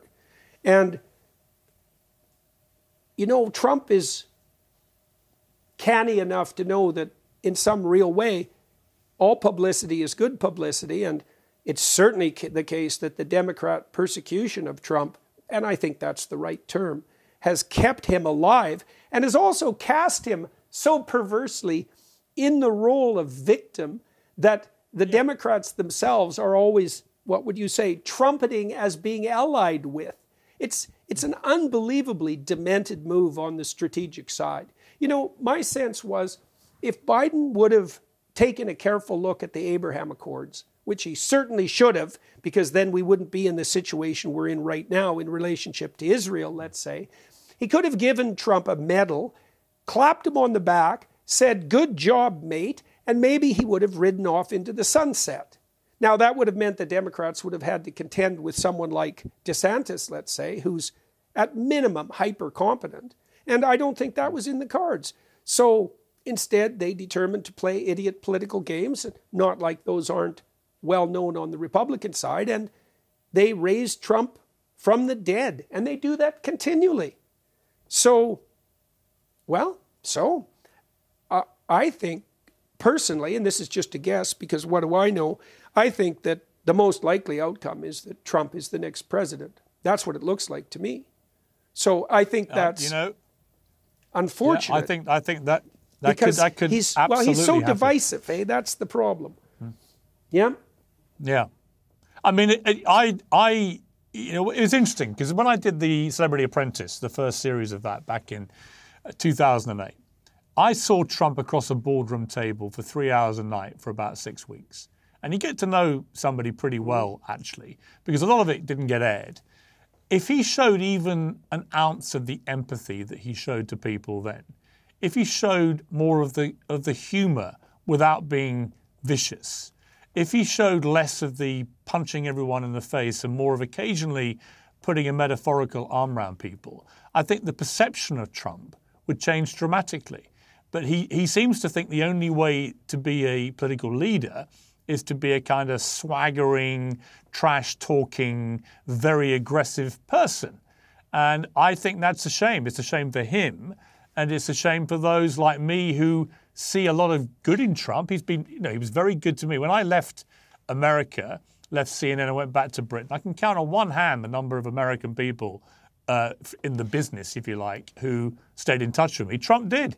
He rang me quite regularly to check how I was doing. Could he help? You know, he didn't need to do that. So he has got these qualities. It's just I don't see much evidence of it of him as a political leader. He's taken a different path. Well, I would say part of that is a consequence of the fact that the radical leftists have given it compassion and empathy a bad name. You know, and so mm-hmm. because Trump is standing against especially the radicals, he's being put in a position where he more or less de facto has to stand against that kind of smothering, quasi maternal, devouring sympathy that's part and parcel of being allied with the victims. And so part of that's an ideological problem. I would also say that I believe that there has been no political figure, certainly in my living memory, with the possible exception of Richard Nixon, who's been vilified more thoroughly and also more falsely than Trump. And I would point to the idiot conclusion of Russian collusion, especially with regards to the Hunter Biden laptop, as evidence in that regard. You know, I mean, Trump has no shortage of flaws, let's say, a statement that can be said of all of us. But apart from vicious criticism with regard to those faults, there has been an absolute surfeit of devastating criticism and persecution for faults that are not real. And, you know, it isn't obvious to me how much a person can take without starting to feel continually embattled. You know, I've certainly had to fight against the proclivity to cease turning the other cheek, let's say, with regards to those who regard themselves as my enemies. Because if you're gone after enough, you tend to think that the own the best defense is a good offense, let's say. And yeah. it's very difficult to plot your way forward against those kinds of odds. Now, Trump did go into the White House as an outsider, both on the Republican and the Democrat front, and he has faced no shortage of impediments. And it's a hell of a lot to ask of someone to take all that with good graces. And he's certainly done better than he might have in that regard. I mean, he's still in the race, for example. Now, you might say, well, if you want to be president, you better be the guy that has that kind of largeness of spirit. And fair enough. But, but you know, let him who is without sin cast the first stone, let's say. Right. Um, he's an old guy, you know, and he's bombastic. And and he's under a lot of pressure. And so,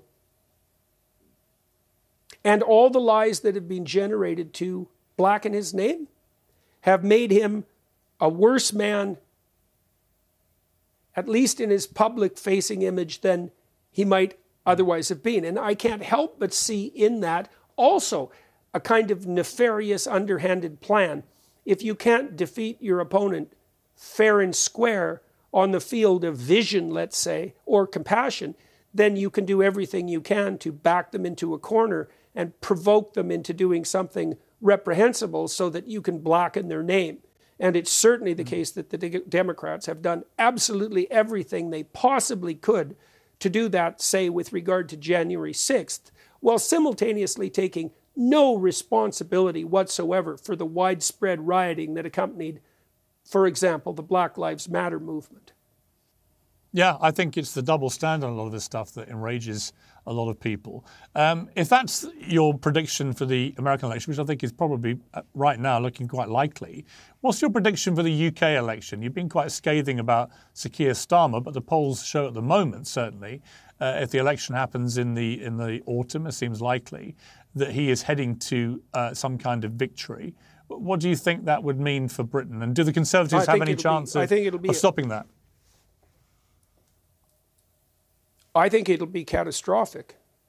I, I believe that Labour, like the socialist parties in Canada, is absolutely overwhelmed by the diversity, equity, and inclusivity victim victimizer narrative types.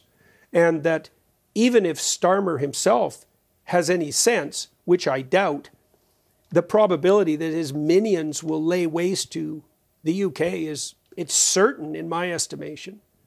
There's so much behind the scene tyrannizing going on in the name of hypothetical utopian progress that it's almost unimaginable. I mean, the CCTVs in the ULEZ zones are a great example of that, and everything that's happened in London under Sadiq Khan, who's like poster boy for ideologically addled globalist utopians. And if the Labour gets in, and I can understand why the citizens of the UK are hungry for a change, if Labour gets in, it's like Venezuela, here we come. I, I think it'll be, I think at minimum, the UK will probably manage to overtake Canada as worst performing developed country over the next four decades if they're foolish enough to elect a Labour government. And that's quite a wow. That's quite a what would you say an opponent to overcome given the state of our leadership in Canada. yeah, it is. Uh, what are your thoughts, uh, Jordan, about the two wars still raging, Ukraine uh, and Russia, and of course Israel and its war in Gaza against Hamas? Well, I think Ukraine is great news for the arms manufacturers and the military-industrial complex, and that's, I think, that's really 90% of the issue right there. I mean, it's it's been in their interest, and I say this without cynicism, by the way it's been in their interest since the demise of the Cold War to insist upon the positioning of Russia as the dire enemy of the West. I mean, first of all, if you're a military supplier, it's your job to be paranoid and to look for enemies. And there's some utility in that, right? I mean, that's part of being wise as serpents, let's say. But it also means that there's constant pressure from extremely well heeled individuals, those that run the military industrial complex, to damn all potential peace accords with faint praise and to constantly agitate on the side of war and preparation thereof. And you, the war in Ukraine is a bonanza for the military industrial complex, and that's a complete bloody catastrophe. We had a chance, mm-hmm. especially in the 90s and in the 2000s for that matter, to make a long standing peace with Russia. Not an easy thing to do especially in the face of China. Um, and we, uh, we burned up that opportunity like the fools that we are. And here we are with that. With regards to Israel and, and Hamas, well, a war occurs when people can't agree, and no one, we certainly can't agree on the facts of the matter at hand with regard to the conflict in Israel. My sense is, most fundamentally, that it's been hyper convenient for the radical Islamists, especially those in Iran, to have Hamas and the Palestinians suffer greatly and continually so that they can be a constant goad in the side of Israel and the US. And so we've stepped right into that as well. Um, what's the solution? Well, you know, I'd be a fool to offer one, wouldn't I? Because there's been a plethora of solutions offered with regards to Israel and the Palestinians over the last six decades, and very little progress has been made on that front. And I think the reason for that is that there are incredibly entrenched interests in whose interest it is to prolong and make as bloody as possible this conflict. And so there's no hope for peace under those circumstances. And for the Islamic fundamentalists, so called Islamic fundamentalists who are fostering the conflict, what's a few hundred thousand or million Palestinian lives? You know, doesn't hurt them if all those innocent people die. So that's a dreadful situation. Um, if I was in Israel's shoes, I suppose I would likely do much the same as they are doing with one possible coda, which is that as Israel becomes more successful on the military front, which is highly likely, the swing in popular opinion is likely to increasingly go against them. Because it's a lot easier to trumpet moral virtue by siding with the hypothetical victims than it is to celebrate the accomplishment of the conquerors. And so I'm afraid that one likely outcome for Israel is that they win militarily but lose strategically. However, we'll see. Uh, one of the things I'm very happy about, however, and this is really a miracle, and it's one that we should be very attentive to, is that despite the rising temperature and costs of this conflict, the Abraham Accords, which established a certain degree of peace between mm-hmm. Israel and a number of states who were previously in a state of enmity, that accord has held. And that, that's the best news on the geopolitical front that I can think of in the last 50 years. You know, there is some real possibility still that Israel and its neighbors could enter into a long standing and productive peace. And God, we could all pray for that because that would be the best possible outcome for everyone involved. I'm certain that Iran, Iran does not believe that that pathway is in their interest. And so they're going to do everything they can, not only to foster this war, which is what they have been doing, but also to fund and foment all the protests that have been racking the Western world in support, hypothetical support of Hamas. Let's end on a more positive note, uh, Jordan. Um, I could talk to you all day. In fact, one day I want to do that. It would be fascinating. Um, you've got an extraordinary mind and you have such an extraordinary take on all these things. Um, but let's talk about you and what your plans are for 2024. I know you've got a, a tour, you have your academy, and you have a new book. Yes, I'm finishing up what I think will be two books. Um, the first one is called We Who Wrestle with God, and it's going to be an analysis of the fundamental stories of the Western world. And so that really means a biblical analysis. I did a series of lectures in 2017 on Genesis, which were very well received, including by atheists, and then also a seminar last year on Exodus. And in this book, I've walked through uh, a good sampling of the major biblical stories, attempting to explain insofar as I'm capable, what they mean. One book is going to focus on the Old Testament and another, the other on the New Testament. And I'm finishing those up now. That'll constitute the content for the tour that my wife and I are going on with some special guests, including Jonathan Pageau, that will run from February through May, um, 51 cities across the United States, and then off to Central and South America. And I'm very much excited about doing that and recording it and releasing those recordings live. The reason this is so important, Piers, is because our world depends on stories.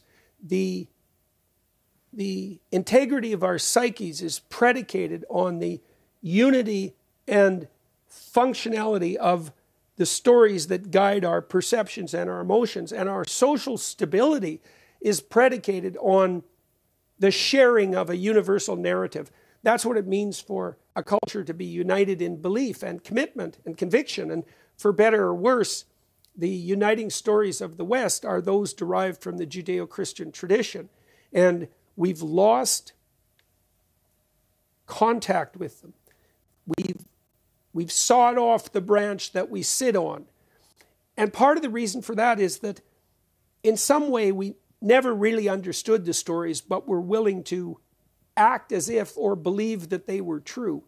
But we're now at a point where, partly because of the conflict between the scientific mind and the religious mind, we not only have to believe, we have to understand. And what I'm trying to do is to make that understanding possible. You can see the consequences of this beginning to unfold, by the way, um, more publicly, major figures who were, what would you say, spokespeople for the new atheist community, Douglas Murray, Ayaan Hirsi Ali, Niall Ferguson, among them, Bret Weinstein, for that matter, have begun to realize that our conceptions are embedded in a narrative substrate. They're embedded in a religious story and that story, in some ways, can't be replaced. substitutes can be slotted in, but they tend to be devastating ideologies of the sort that characterized, let's say, the Soviet Union, or a soul devouring nihilism. And so I'm writing as deeply as I can about the stories that guide us, and I hope to bring what I've been privileged to investigate to as wide an audience as possible. I'm also going to do a gospel seminar with many of the same thinkers that I conducted the Exodus seminar with in April for the same reason. And so I'm extremely excited about that. I, I can't really imagine doing anything more interesting or having a privilege that's greater than having the opportunity to make what I know public during this tour. As I said, a tour of 50 cities, very extensive. So, and then in February, I'm doing a soft launch with my daughter of Peterson Academy, which is our attempt to rectify the abysmal situation that modern institutions of higher education have landed themselves in and to provide the opportunity for people all over the world to obtain a high quality general university level education very efficiently, hopefully enjoyably, and at a low cost. I would say we're going to drop the price of a bachelor's degree by 95%. And I can't imagine anything being timed better than that, especially in the aftermath of the absolute catastrophe that the presidents of UPenn, MIT, and Harvard have made of their uh, associated institutions.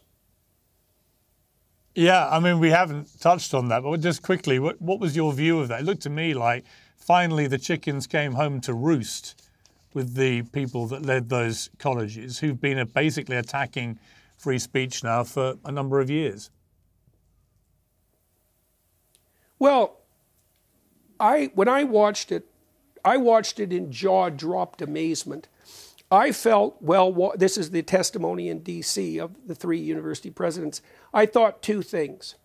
I thought it's a complete bloody miracle that these people who've been clamoring for the restriction of free speech on the basis of oppression and harm can't admit that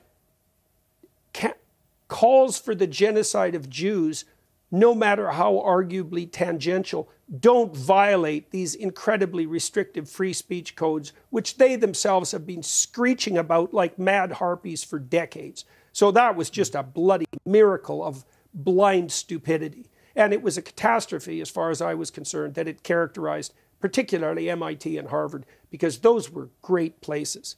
And then to ally that with the implicit presumption, as they did, that it was self evident that the moral stance that those same presidents took would be met with by the general public with nothing but open armed appreciation was also an indication of absolutely how absolutely demented and and self deluding the universities have become. And I say that apart from my financial interest in making Peterson Academy work, let's say, and my moral interest as well, I say that with no satisfaction whatsoever. I worked at Harvard for six years and I loved it. It was a great place.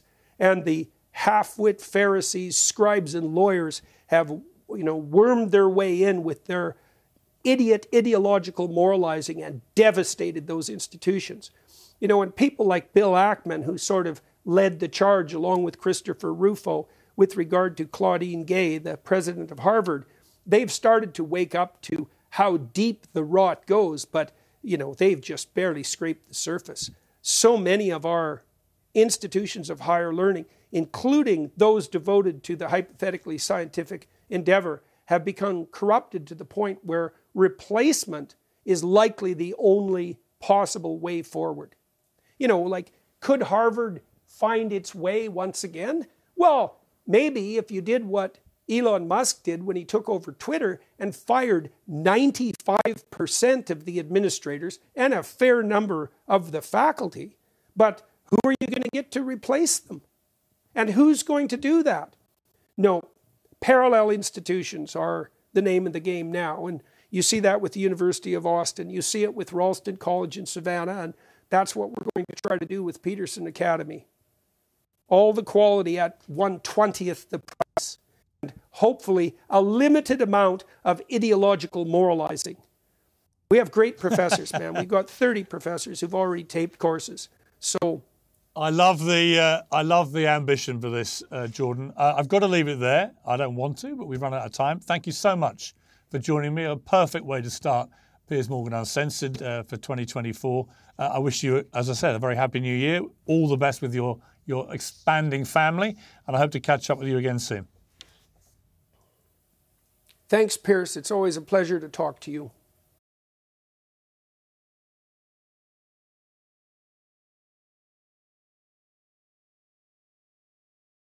Cenk, it's great to see you here in Los Angeles. I feel like we've we've been seeing each other from across the water, uh, often in very quite tense and fractious circumstances with big debates. So it's good to see you just one on one. Uh, and we're going to come to Israel and we'll come to the US election. You, of course, are running for president. But first, let's talk about uh, the Epstein scandal, which every single day seems to produce ever more lurid headlines. What do you make of it? Well, it's important because it's people in power that did terrible things and seem to have largely gotten away with it. So I like that people care about accountability on this issue. The problem is we don't really know exactly who did it and exactly what they did. So, you know, you've got Bill Clinton saying I was on the plane, but I wasn't on the island. And you've got Richard Branson, who's come out vehemently denying there's any sex tape of him, uh, as was supposedly revealed uh, yesterday.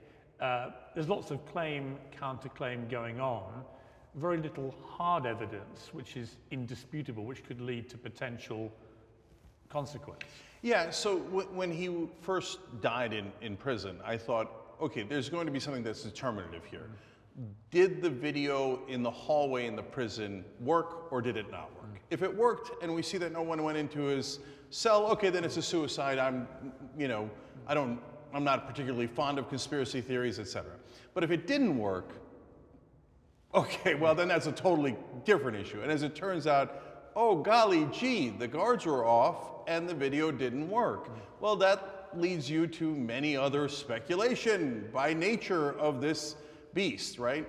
But look, even Trump, Trump said was terrific friends with uh, Epstein for a long, long time, and said he knows that Epstein likes them young, so there's no question that he knew that Epstein was up to terrible things. But did he do it? I don't know. It's easy for the two sides to say Clinton definitely did it, Trump definitely did it, but we a don't actually not a know. political game playing going on with the various names and different attitudes depending if it's, if it's one of your party. Uh, there's also, I think, with, with the Epstein scandal, a sense that you look at it in totality. You have Epstein who was in jail and may have taken his own life or may have had it taken from him. We'll probably never know. The only other person who's been brought to account is Ghislaine Maxwell, his kind of madame figure in the whole thing. None of the other men who must have either known about Epstein's proclivities or actively joined him in some of them have ever been properly brought to book for this. Do you think they ever will? Well, hard to tell, but one of the things that uh, makes me wonder and why I brought up the videotape in the prison is because Epstein was supposed to have videotapes of a lot of this. Right. And yet we magically still haven't found the videotapes. Right. And uh, under the Bush administration, the guy who let him go wound up, by the way, being the labor secretary for Trump. Hmm. He's the one that let Epstein off the hook in the first place, right? Back in 2008. Hmm. So magically, everyone keeps getting let off the hook in this case, except Ghislaine Maxwell and of Also, it seems to me there's sort of life before his first conviction and life after it, i.e., before the first conviction, then you can completely believe that people may have been, you know, conned by this guy. He was a big finance guy. You know, there'd be no reason potentially to know what he was really like. But once he had that conviction you know, in the early 2000s for, you know, effectively a sex crime with a minor, you know, paedophilia. Once that happened, everyone who then continued to deal with him from Prince Andrew onwards, uh, they surely are culpable by association. Yeah, I think after 2008, you have no excuses at all. And, and everybody, I remember covering that story. And, and, I, and I remember saying, this is ridiculous. This is a slap on the wrist for a guy who might have done an enormous amount of pedophilia and been connected to, at the time, we already knew he was connected to tons of people in finance, politics, people in power. after that going back and still associating hmm. with him probably means you're an addict. Probably means you you you you're not only don't mind that at all, but can't help but go and seek that out. And what about that deal that was done at that time? I mean, it was such a murky, looking back now, terrible deal with the devil, it seems. Yeah, uh, no question. And that, that's what makes people speculate.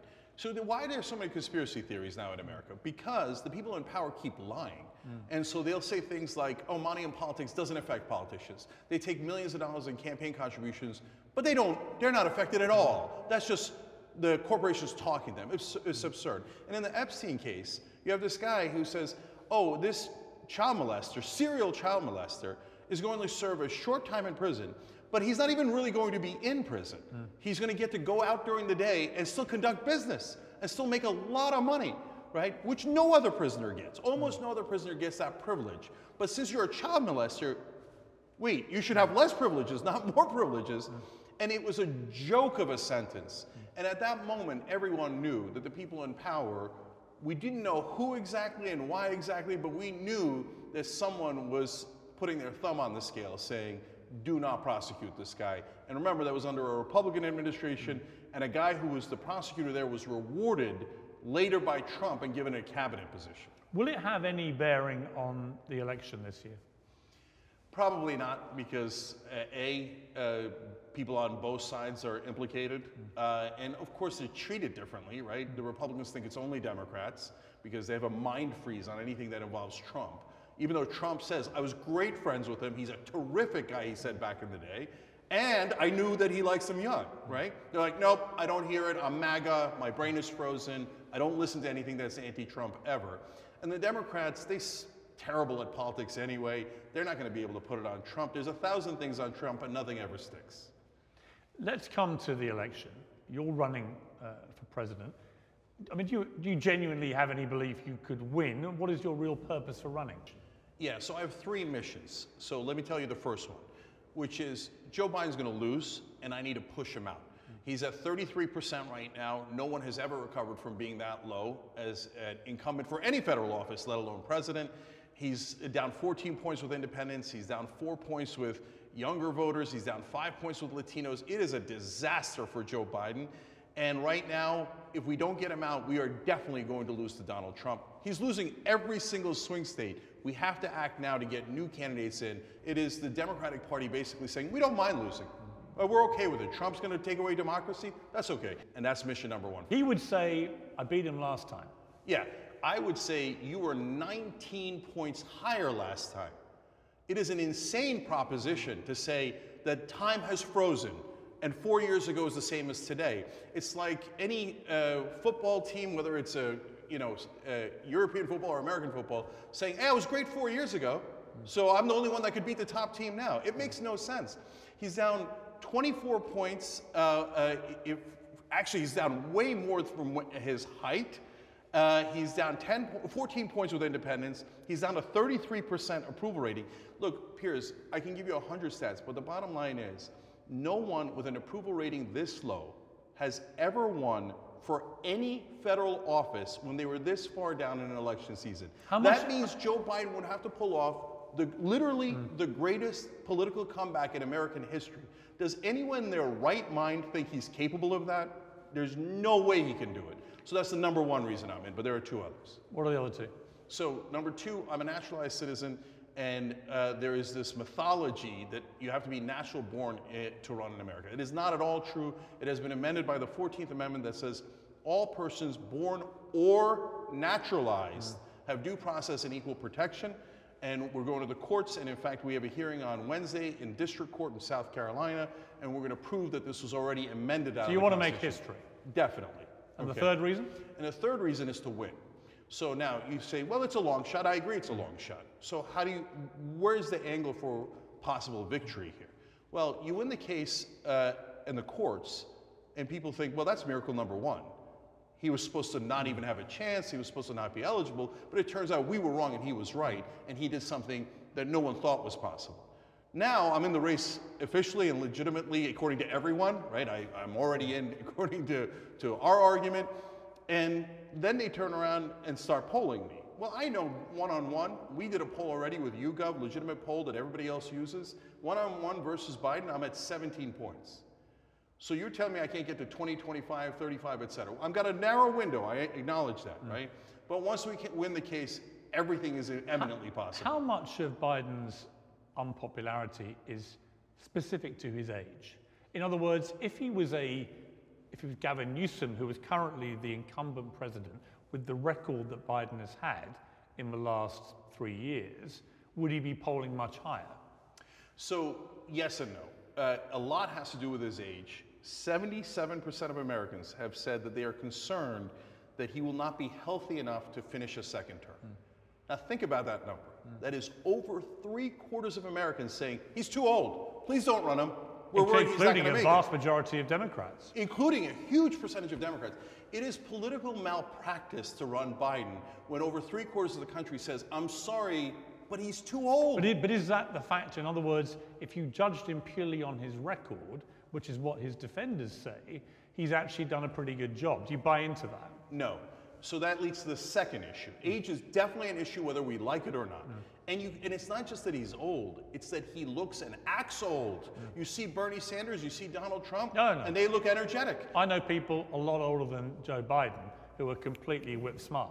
Uh, he, it's not his actual age. Mick Jagger is a few months difference in age and still does two and a half hour shows every night, right? I mean, this idea that it's just because he's 81 or whatever it is, that, that's for the birds. It's, it's actually clearly he is disintegrating. I mean, to, to, to be yeah, brutal. I mean, look, yes, but here's the thing: Democrats get really upset when you say that, but it's not going to go away. It doesn't mean it's not happening. Yes, and when you ask any real person in America mm. that is not involved in politics, what do you think of Joe Biden?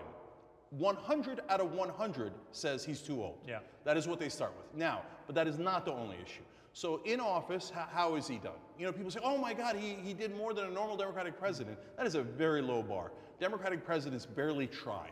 So did he do most of his agenda? No. 85% of his agenda is dead, and there's no dispute over that. Uh, the media says, oh my God, he did 15% of his agenda. What an American hero. I don't find that to be heroic at all. He said he'd do the public option. He didn't even propose it. He said that he would uh, do a $15 minimum wage. He threw it under the bus in the very first interview that he did. He never intended it. Paid family leave, Piers, polls at 84% in America. What kind of politician are you if you can't get a bill passed that polls at 84%? That's 74% among Republicans. If you can't get that passed, honestly, you suck at politics. Let's talk about his potential opponent if it ends up being a Biden Trump rematch, Biden's belief, from what I, I hear, is that he beat him before and he can beat him again because the anti Trump vote will come out and he may have a point. Um, but it's incredible to people outside of America that Donald Trump, who lost last time, has been pretty much a consistent loser in the electoral process since 2016, both in the midterms, the general elections, Senate, and so on that he's now facing nearly 100 criminal charges, and yet all that has done is fuel him and make him more popular, allow him to play the victim, and see his poll numbers go up. What does that say about America and your political system? No, it says something really important that media almost never talks about. To give you a full context, in one of the latest polls, Trump is up by eight against Biden. And remember, the Democratic candidate must win the popular vote by five points. If not, they lose the Electoral College. Biden won by four and a half and nearly lost. Only 44,000 votes in swing states made the difference. So you have to win by five. That means Biden is down by 13 to Donald Trump, who is otherwise an enormously unpopular candidate. My God, if he was up against a popular candidate, mm. he'd get landslided. He might, he might get Walter Mondale and lose 49 states. It is one of the reasons that Trump is proving so not just durable, but potentially going back to the White House. That the Democrats, the liberal world, for want of a better phrase, has overplayed its hand. And the reason I say that, I remember in 2016, the very next day after that election win, I was in New York, went to see the New York Knicks with my eldest son. And Chris Rock, the comedian, was at the next table in this area we're in. And we got talking about the election. And he said, You know the problem? He said, if someone like Trump kills 10 people, don't go around saying he's killed 11. I Yeah. thought it was such a smart take on it. In other words, we would say in England, don't over egg the souffle. Yeah. Don't exaggerate when you have someone like Trump because it allows him to say, look at these people. They, they've lost their minds. They're saying this when it's not true. When in fact, there may be a good kernel of truth to go at him about. Have, has the liberal world overplayed through its demonic hatred of Trump? Has it overplayed its hand and helped him? Yes and no. So Donald Trump reserves almost all the criticism that he gets, hmm. and he breaks so many laws that he floods the zone. And then you don't know what to respond to because he says something maniacal here, hmm. he broke that law there, he's a lifelong criminal, etc. But the number one issue is the one that the media doesn't talk about, which is he's anti establishment. Hmm. That's why people like him. Is there a portion of the Republican base that likes the xenophobic, racist, sexist, etc. talk? Yes, there is. If you deny that, you're denying reality. He can Right. also be, let's be fair, not to be fair, let's be accurate, he can be genuinely funny. I mean, Oh, no question. if you watch his rallies, it's like watching a two hour show. Yes. You know, it's like watching a, a a right wing version of Ricky Gervais, right? So I see that appeal. He's, he's a great performer. He's also, I said Mr. Jordan Peterson uh, on Monday, he, he has both the thinnest skin of any human being I've ever met and the thickest. Totally, yes. He reacts to everything with venom. Uh, started criticism, bang, bang, bang, bang, bang. But he also can soak up incredible amounts of pressure that would crush any other candidate. Yeah. So I look, Makes him a formidable politician. Oh, it, he is, no question about it. So Democrats underestimate him uh, at their peril, and they do it over and over again. So there's three issues here. One is, yes, he did do all those things, and sometimes the Democrats overreach anyway, mm. right? Number two is what you're pointing out, which is that he's telegenic. He, he- not mm. in terms of looks, but in terms of he's entertaining. He's charismatic. Yes, and what Democrats don't understand is, sorry, but politics is now all media wars. Mm. That's what it is. Where do people get the mm. information on who they're going to vote? Media, some form of media, not necessarily mainstream media, but some form of media. So you have to engage in the media wars, and Trump is fantastic at engaging in the mm. media wars. He goes to wherever the cameras are, he grabs the spotlight. What does Biden do? Biden made his first speech against Trump just mm. a couple of days ago. What are you waiting for, brother? He's done 200 speeches in the time that you've done one. That is a colossal media advantage and hence a colossal political advantage. And you're not wrong. Oftentimes he is both wittingly and unwittingly funny. So we laugh at him all the time. He says the most absurd, ridiculous things. Now, but the third part of it is he's giving a giant middle finger to the establishment. And that is the largest reason for his po- the popularity that he has. He's unpopular overall, but among his base, it's less the xenophobic stuff. It's yes, it's a little bit of entertainment, but mainly they love that finally someone said what they've been dying to hear, which is screw the establishment. The people in power have been totally screwing you your whole life. Now, the Democratic Party has people like that, like me, but they never let them out. They say, oh no, you better not. You better not. The establishment is beloved. Is it? The polling indicates that they hate you. They hate the politicians. They hate Congress. They hate media. But media goes, no, they're wrong. Well, of course you're going to say that. You're in the media, right? So the Democrats have no idea what's coming. Piers, look, I said this back in 2016. I went on ABC's This Week right after the DNC mm-hmm. when Hillary was at her height, and I said Donald Trump's going to win. Now, I don't want Donald Trump to win. I'm in this race. Why do I want to knock Biden out? Because I don't want him to lose to Trump. If Biden is the candidate, do you think Trump wins if he wins the Republican it's- nomination? It's near 100%. So, look, the And what would that mean for America? disaster, total epic disaster. So let me break it down. So as I said earlier, no candidate for any federal office has ever come back from this far down. And Biden is losing all seven swing states and he has to win by five. If you're an objective political analyst, there's no way in the world anyone in their right mind could say that he has anything approaching 50% chance. At best, in my opinion, he has about a 10% at best. I've never seen anyone do it, and Biden refuses to campaign.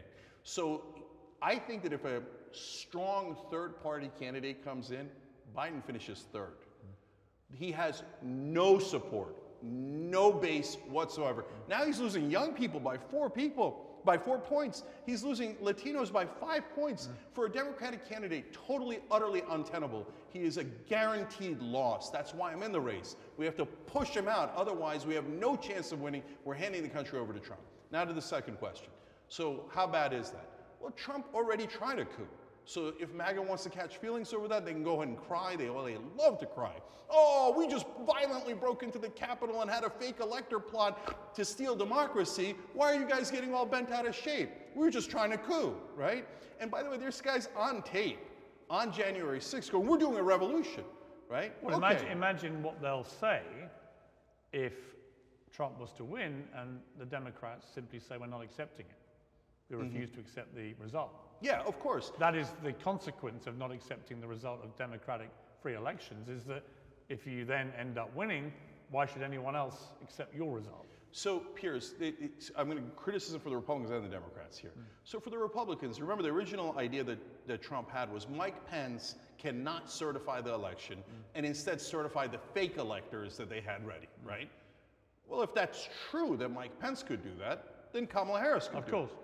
So that means, you know, according to Trump's logic and MAGA's logic, if there is such a thing, that means Kamala Harris can just say, I don't care that Biden lost 28 states. I don't care if he lost 38 or 48 states. I'm not certifying it. Instead, I'm certifying our fake electors. So they, look, the right wing in this country does not believe in democracy. They believe in power.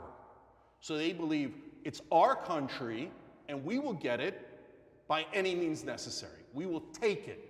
Where, okay, so that's, that's the right wing, that's the disaster that awaits us. And, and then the Democratic Party, why did they wait two and a half years to try to prosecute Donald Trump? They sh- Merrick Garland should have gone on day one.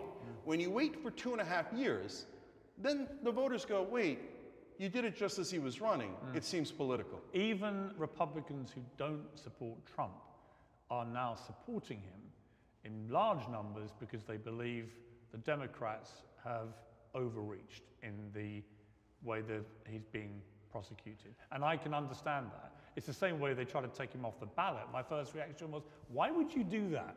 All that does is make him more popular. And by the way, the Supreme Court inevitably will throw this out anyway. So you won't succeed. All you'll succeed in doing is making them even more popular. Yeah, well, I mean, look, there's still folks uh, that I have a lot of adjectives for. I'll try to keep it under control that still say 91 indictments. Well, all it's done is made him more popular. Yes. When are you going to get it through your thick, thick skull that people don't think like you do? So this normal person who's a liberal in Washington is like, well, I am outraged and I would never vote for anyone with 91 indictments. Yeah, brother, but you're not the average voter. The average voter doesn't see it that way and hasn't seen it that way. And the polling has showed it for nearly a year when is it going to get through your incredibly thick head? By the way, Piers, there might be a disagreement that you and I have, which is that I think almost all these cases are perfectly legitimate as long as you did them in the right time frame. Mm. They should have launched them the minute after the election because there was law breaking, and you, as a prosecutor, I, you must pursue I think, law breaking. I think some of it is clearly legitimate to uh, go after him over, and we'll see whether it leads to any convictions. But when you start with him paying off a porn star for a secret night of passion behind his wife's back. And I think, really, is that your starting point for going after Donald well, Trump? So to here, me, it, it, trivialized it so much in most people's eyes. They were like, this looks pathetic. I don't agree at all. And so, really? yeah, I don't. And I'll tell you why. Number one, that is a clear violation of the law, and his co conspirator, Michael Cohen, already went to prison for mm. it. So if we say Michael Cohen should go to prison for it, but Donald Trump shouldn't because he's above the law, I think that's but a terrible I'm precedent. I'm looking at what most average Americans probably made of that. And most average Americans are like, all right, he had a fling with a porn star behind his wife's back. He wants to keep it quiet. He pays her off. They see payoffs all the time in the world of entertainment, media, politics, and so on. They read about this stuff all the time. It doesn't strike them as either particularly shocking or scandalous, even if it may be illegal.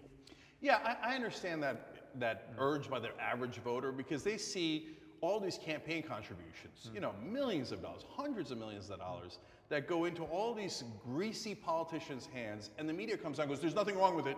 Nothing wrong with it at all. They're just talking, right? And it doesn't affect the bills at all. These are pure, honorable politicians. So when they turn around and say to Trump, Hey, you're doing something wrong by giving $150,000 to your mistress, then it feels like it's wrong. But on the law, we have to decide are we actually implementing the law, or are we saying that people in power are the elites? And let's be honest, MAGA, if you don't get it by now, The reason why they didn't prosecute Trump in the first place is because he's among the elites. And they were worried that if they prosecuted him in the beginning, that the Republicans might prosecute Biden and other people. That's why they waited two and a half years, and then they panicked. They're like, oh no, he's running and he's popular, and this Joe Biden can't beat anyone. It's super obvious he can't beat anyone. We have to take everyone off the ballot. Take Trump off the ballot, and by the way, they've taken me off the ballot in a lot of states, and they've taken in four American states, in very important states, they have taken every Biden challenger off the ballot in the primaries. And then they turn around Piers and say, democracy's on the line. Mm. Well, if Well, actually, democracy's they're on the to- line, you've got to- a funny way of showing Yeah, it. you don't fight democracy on the line by thwarting democracy. Exactly. Let's turn to Israel uh, and the war in Gaza. We've had some very emotive debates involving you and many other people. Had a little break, uh, you know, come back now to see nothing's changed on the ground. Perhaps the world's attention is less obsessively now on there than it was. What is your take on where we are with this war? Yeah, so today we read that, uh, that Israel's going to start to withdraw a little bit from Gaza. We'll see. I'll believe it when I see it. Uh, Israel has been brutal. Uh, they've now killed about 20 times the number of people that Hamas did. Uh, I don't believe that a state is immune from charges of terrorism or genocide. They say, well, we're a state, so we don't, we can't, when we murder civilians, it's perfectly kosher. Sorry, it isn't. Okay? It, it's just as barbaric, you- just as you- terrible. Tell me the, di- we've argued a lot about this. Tell me the difference. This is playing devil's advocate here. Yeah.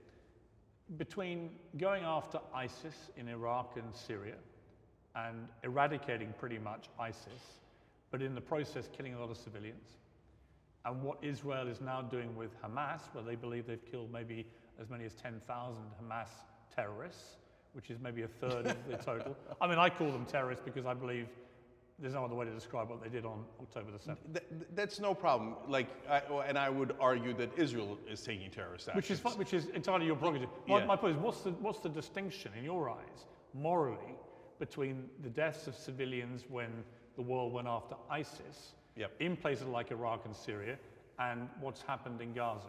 Yes. So there's a couple of really, really important differences. So number one, America, even when we were going after ISIS, even when we were bogged down in Mosul in the biggest guerrilla warfare we've ever seen within a city, never dropped a bomb bigger than 500 pounds. Because we thought that's a war crime. Mm. We can't go above 500 pounds because that's indiscriminate killing of civilians.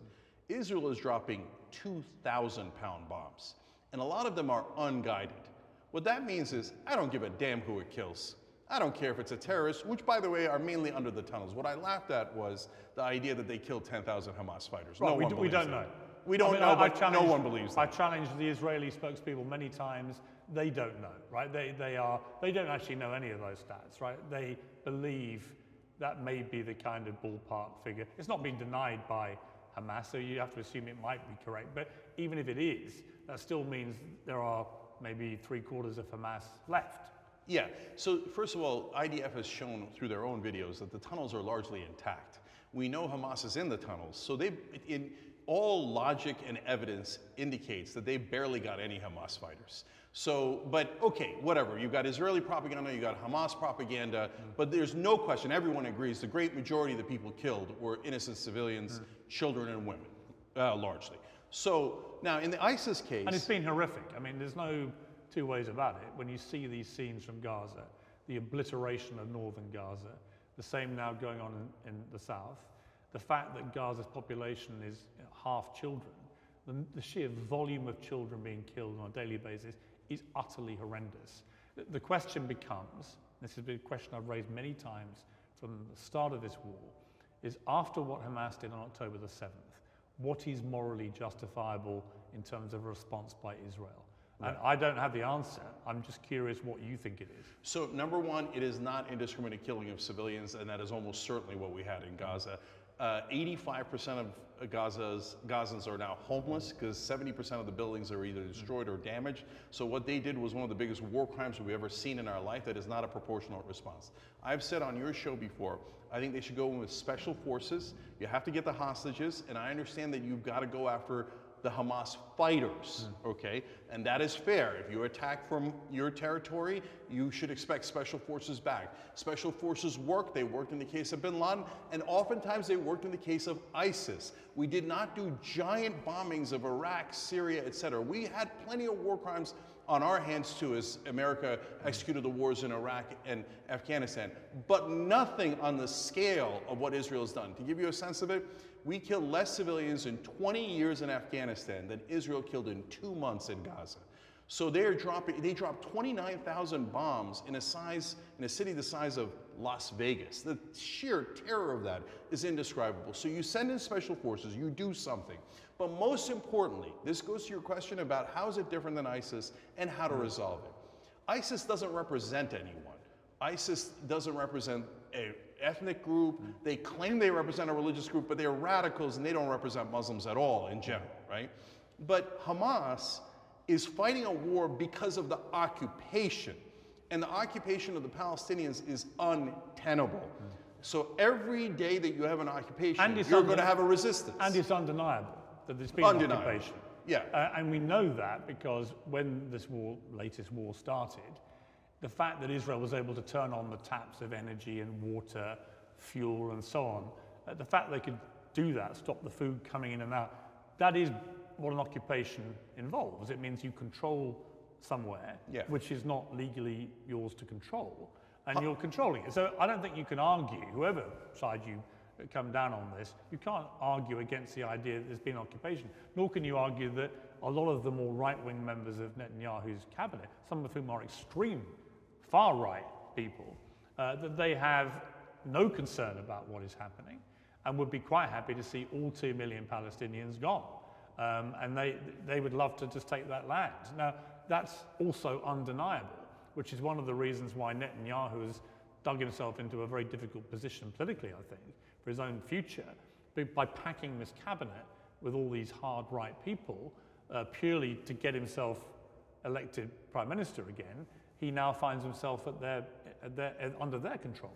Yeah, there's no question about a whole heap of talking points that we hear nonstop in America. They, some people do sophistry and say, well, is it technically apartheid, technically occupation? What difference does it make? As you point out, they control those areas. Those are open air prisons. Mm. They can cut off the water, power, electricity anytime they mm. want. The Palestinians can't control their own borders. It's obviously oppression by any name. Mm. And then they say, oh, Hamas uses human shields. Well, they live in an area that is filled with civilians that you keep in an open air prison. So, uh, It, it doesn't mean, that doesn't mean Hamas don't use them as human shields. I, I don't actually think Hamas has shown by its behavior in the last 17 years where they've had power in Gaza that they have any real concern for the welfare of Palestinian no, civilians. I I don't think they do. Hamas is Muslim fundamentalist. Hmm. And so, whenever you have oppression, unfortunately, fundamentalism grows. Hmm. That's a great breeding. So breeding there can't ground. be a future with Hamas in charge, can there? yeah, I don't think so, no. So, But I- so who, I mean, let's cut to the quick here about how this ends. Yeah. People talk about the day after the war. How do you think this ends, and what is the smartest way for everyone to go forward when the war is over? So let, let me handle that in two ways. The current path that Israel is on is, uh, well, Hamas made us kill all your kids. That's an absurd thing to claim. If you're so powerful, why is Hamas making you kill their civilians? That's absurd. And then they say, oh, we're gonna, the war ends when Hamas surrenders. Nobody thinks they're going to surrender. That's an absurd standard. What are they going to say? Okay, oh, I'm right here. Come and bomb me. So or come and end? arrest me. So there, but there is a real way that it can end. So you make a deal with the Palestinian Authority, and the Biden administration has finally woken up and begun to go in this direction, But which they I are applaud. totally discredited, uh, No. riddled with corruption. That's right. But I'll, I'll tell you how you fix that problem. It's, it's in one bundle. It's actually relatively straightforward. You take the Palestinian Authority, which you are right, is reputationally damaged, not just in Israel, but more importantly with the Palestinians for collaborating with Israel for all this time for the occupation. You make a peace deal with them. You give, you do the two-state solution now, now, right now, not 20 years from now, not after 50 years more of occupation. You do it now, and you do it with the Palestinian Authority. That then buys them the credibility to be able to go and control Gaza. If they go into Gaza now, they look like collaborators. But if they go into Gaza with a peace deal and say, we got a Palestinian state, then they have enough credibility to be able to control Gaza and the West Bank, and be a real partner for peace. Piers, you know that isn't the real problem. Abbas would probably do that deal in a minute. That's a lifeline for him, and he gets to be a hero. Netanyahu says, I don't want the deal. He said, I'm so proud that I blocked the Palestinian state, mm. and I'm going to keep on blocking it. So there is one person totally responsible for the carnage Benjamin Netanyahu. I mean, I would say Hamas is also responsible. I would say that Netanyahu is very damaged. He may not survive this himself. And he is at the behest now and under control of his right wing cabinet, which is incredibly unfortunate for those like you and I who would like to see peace be achieved here.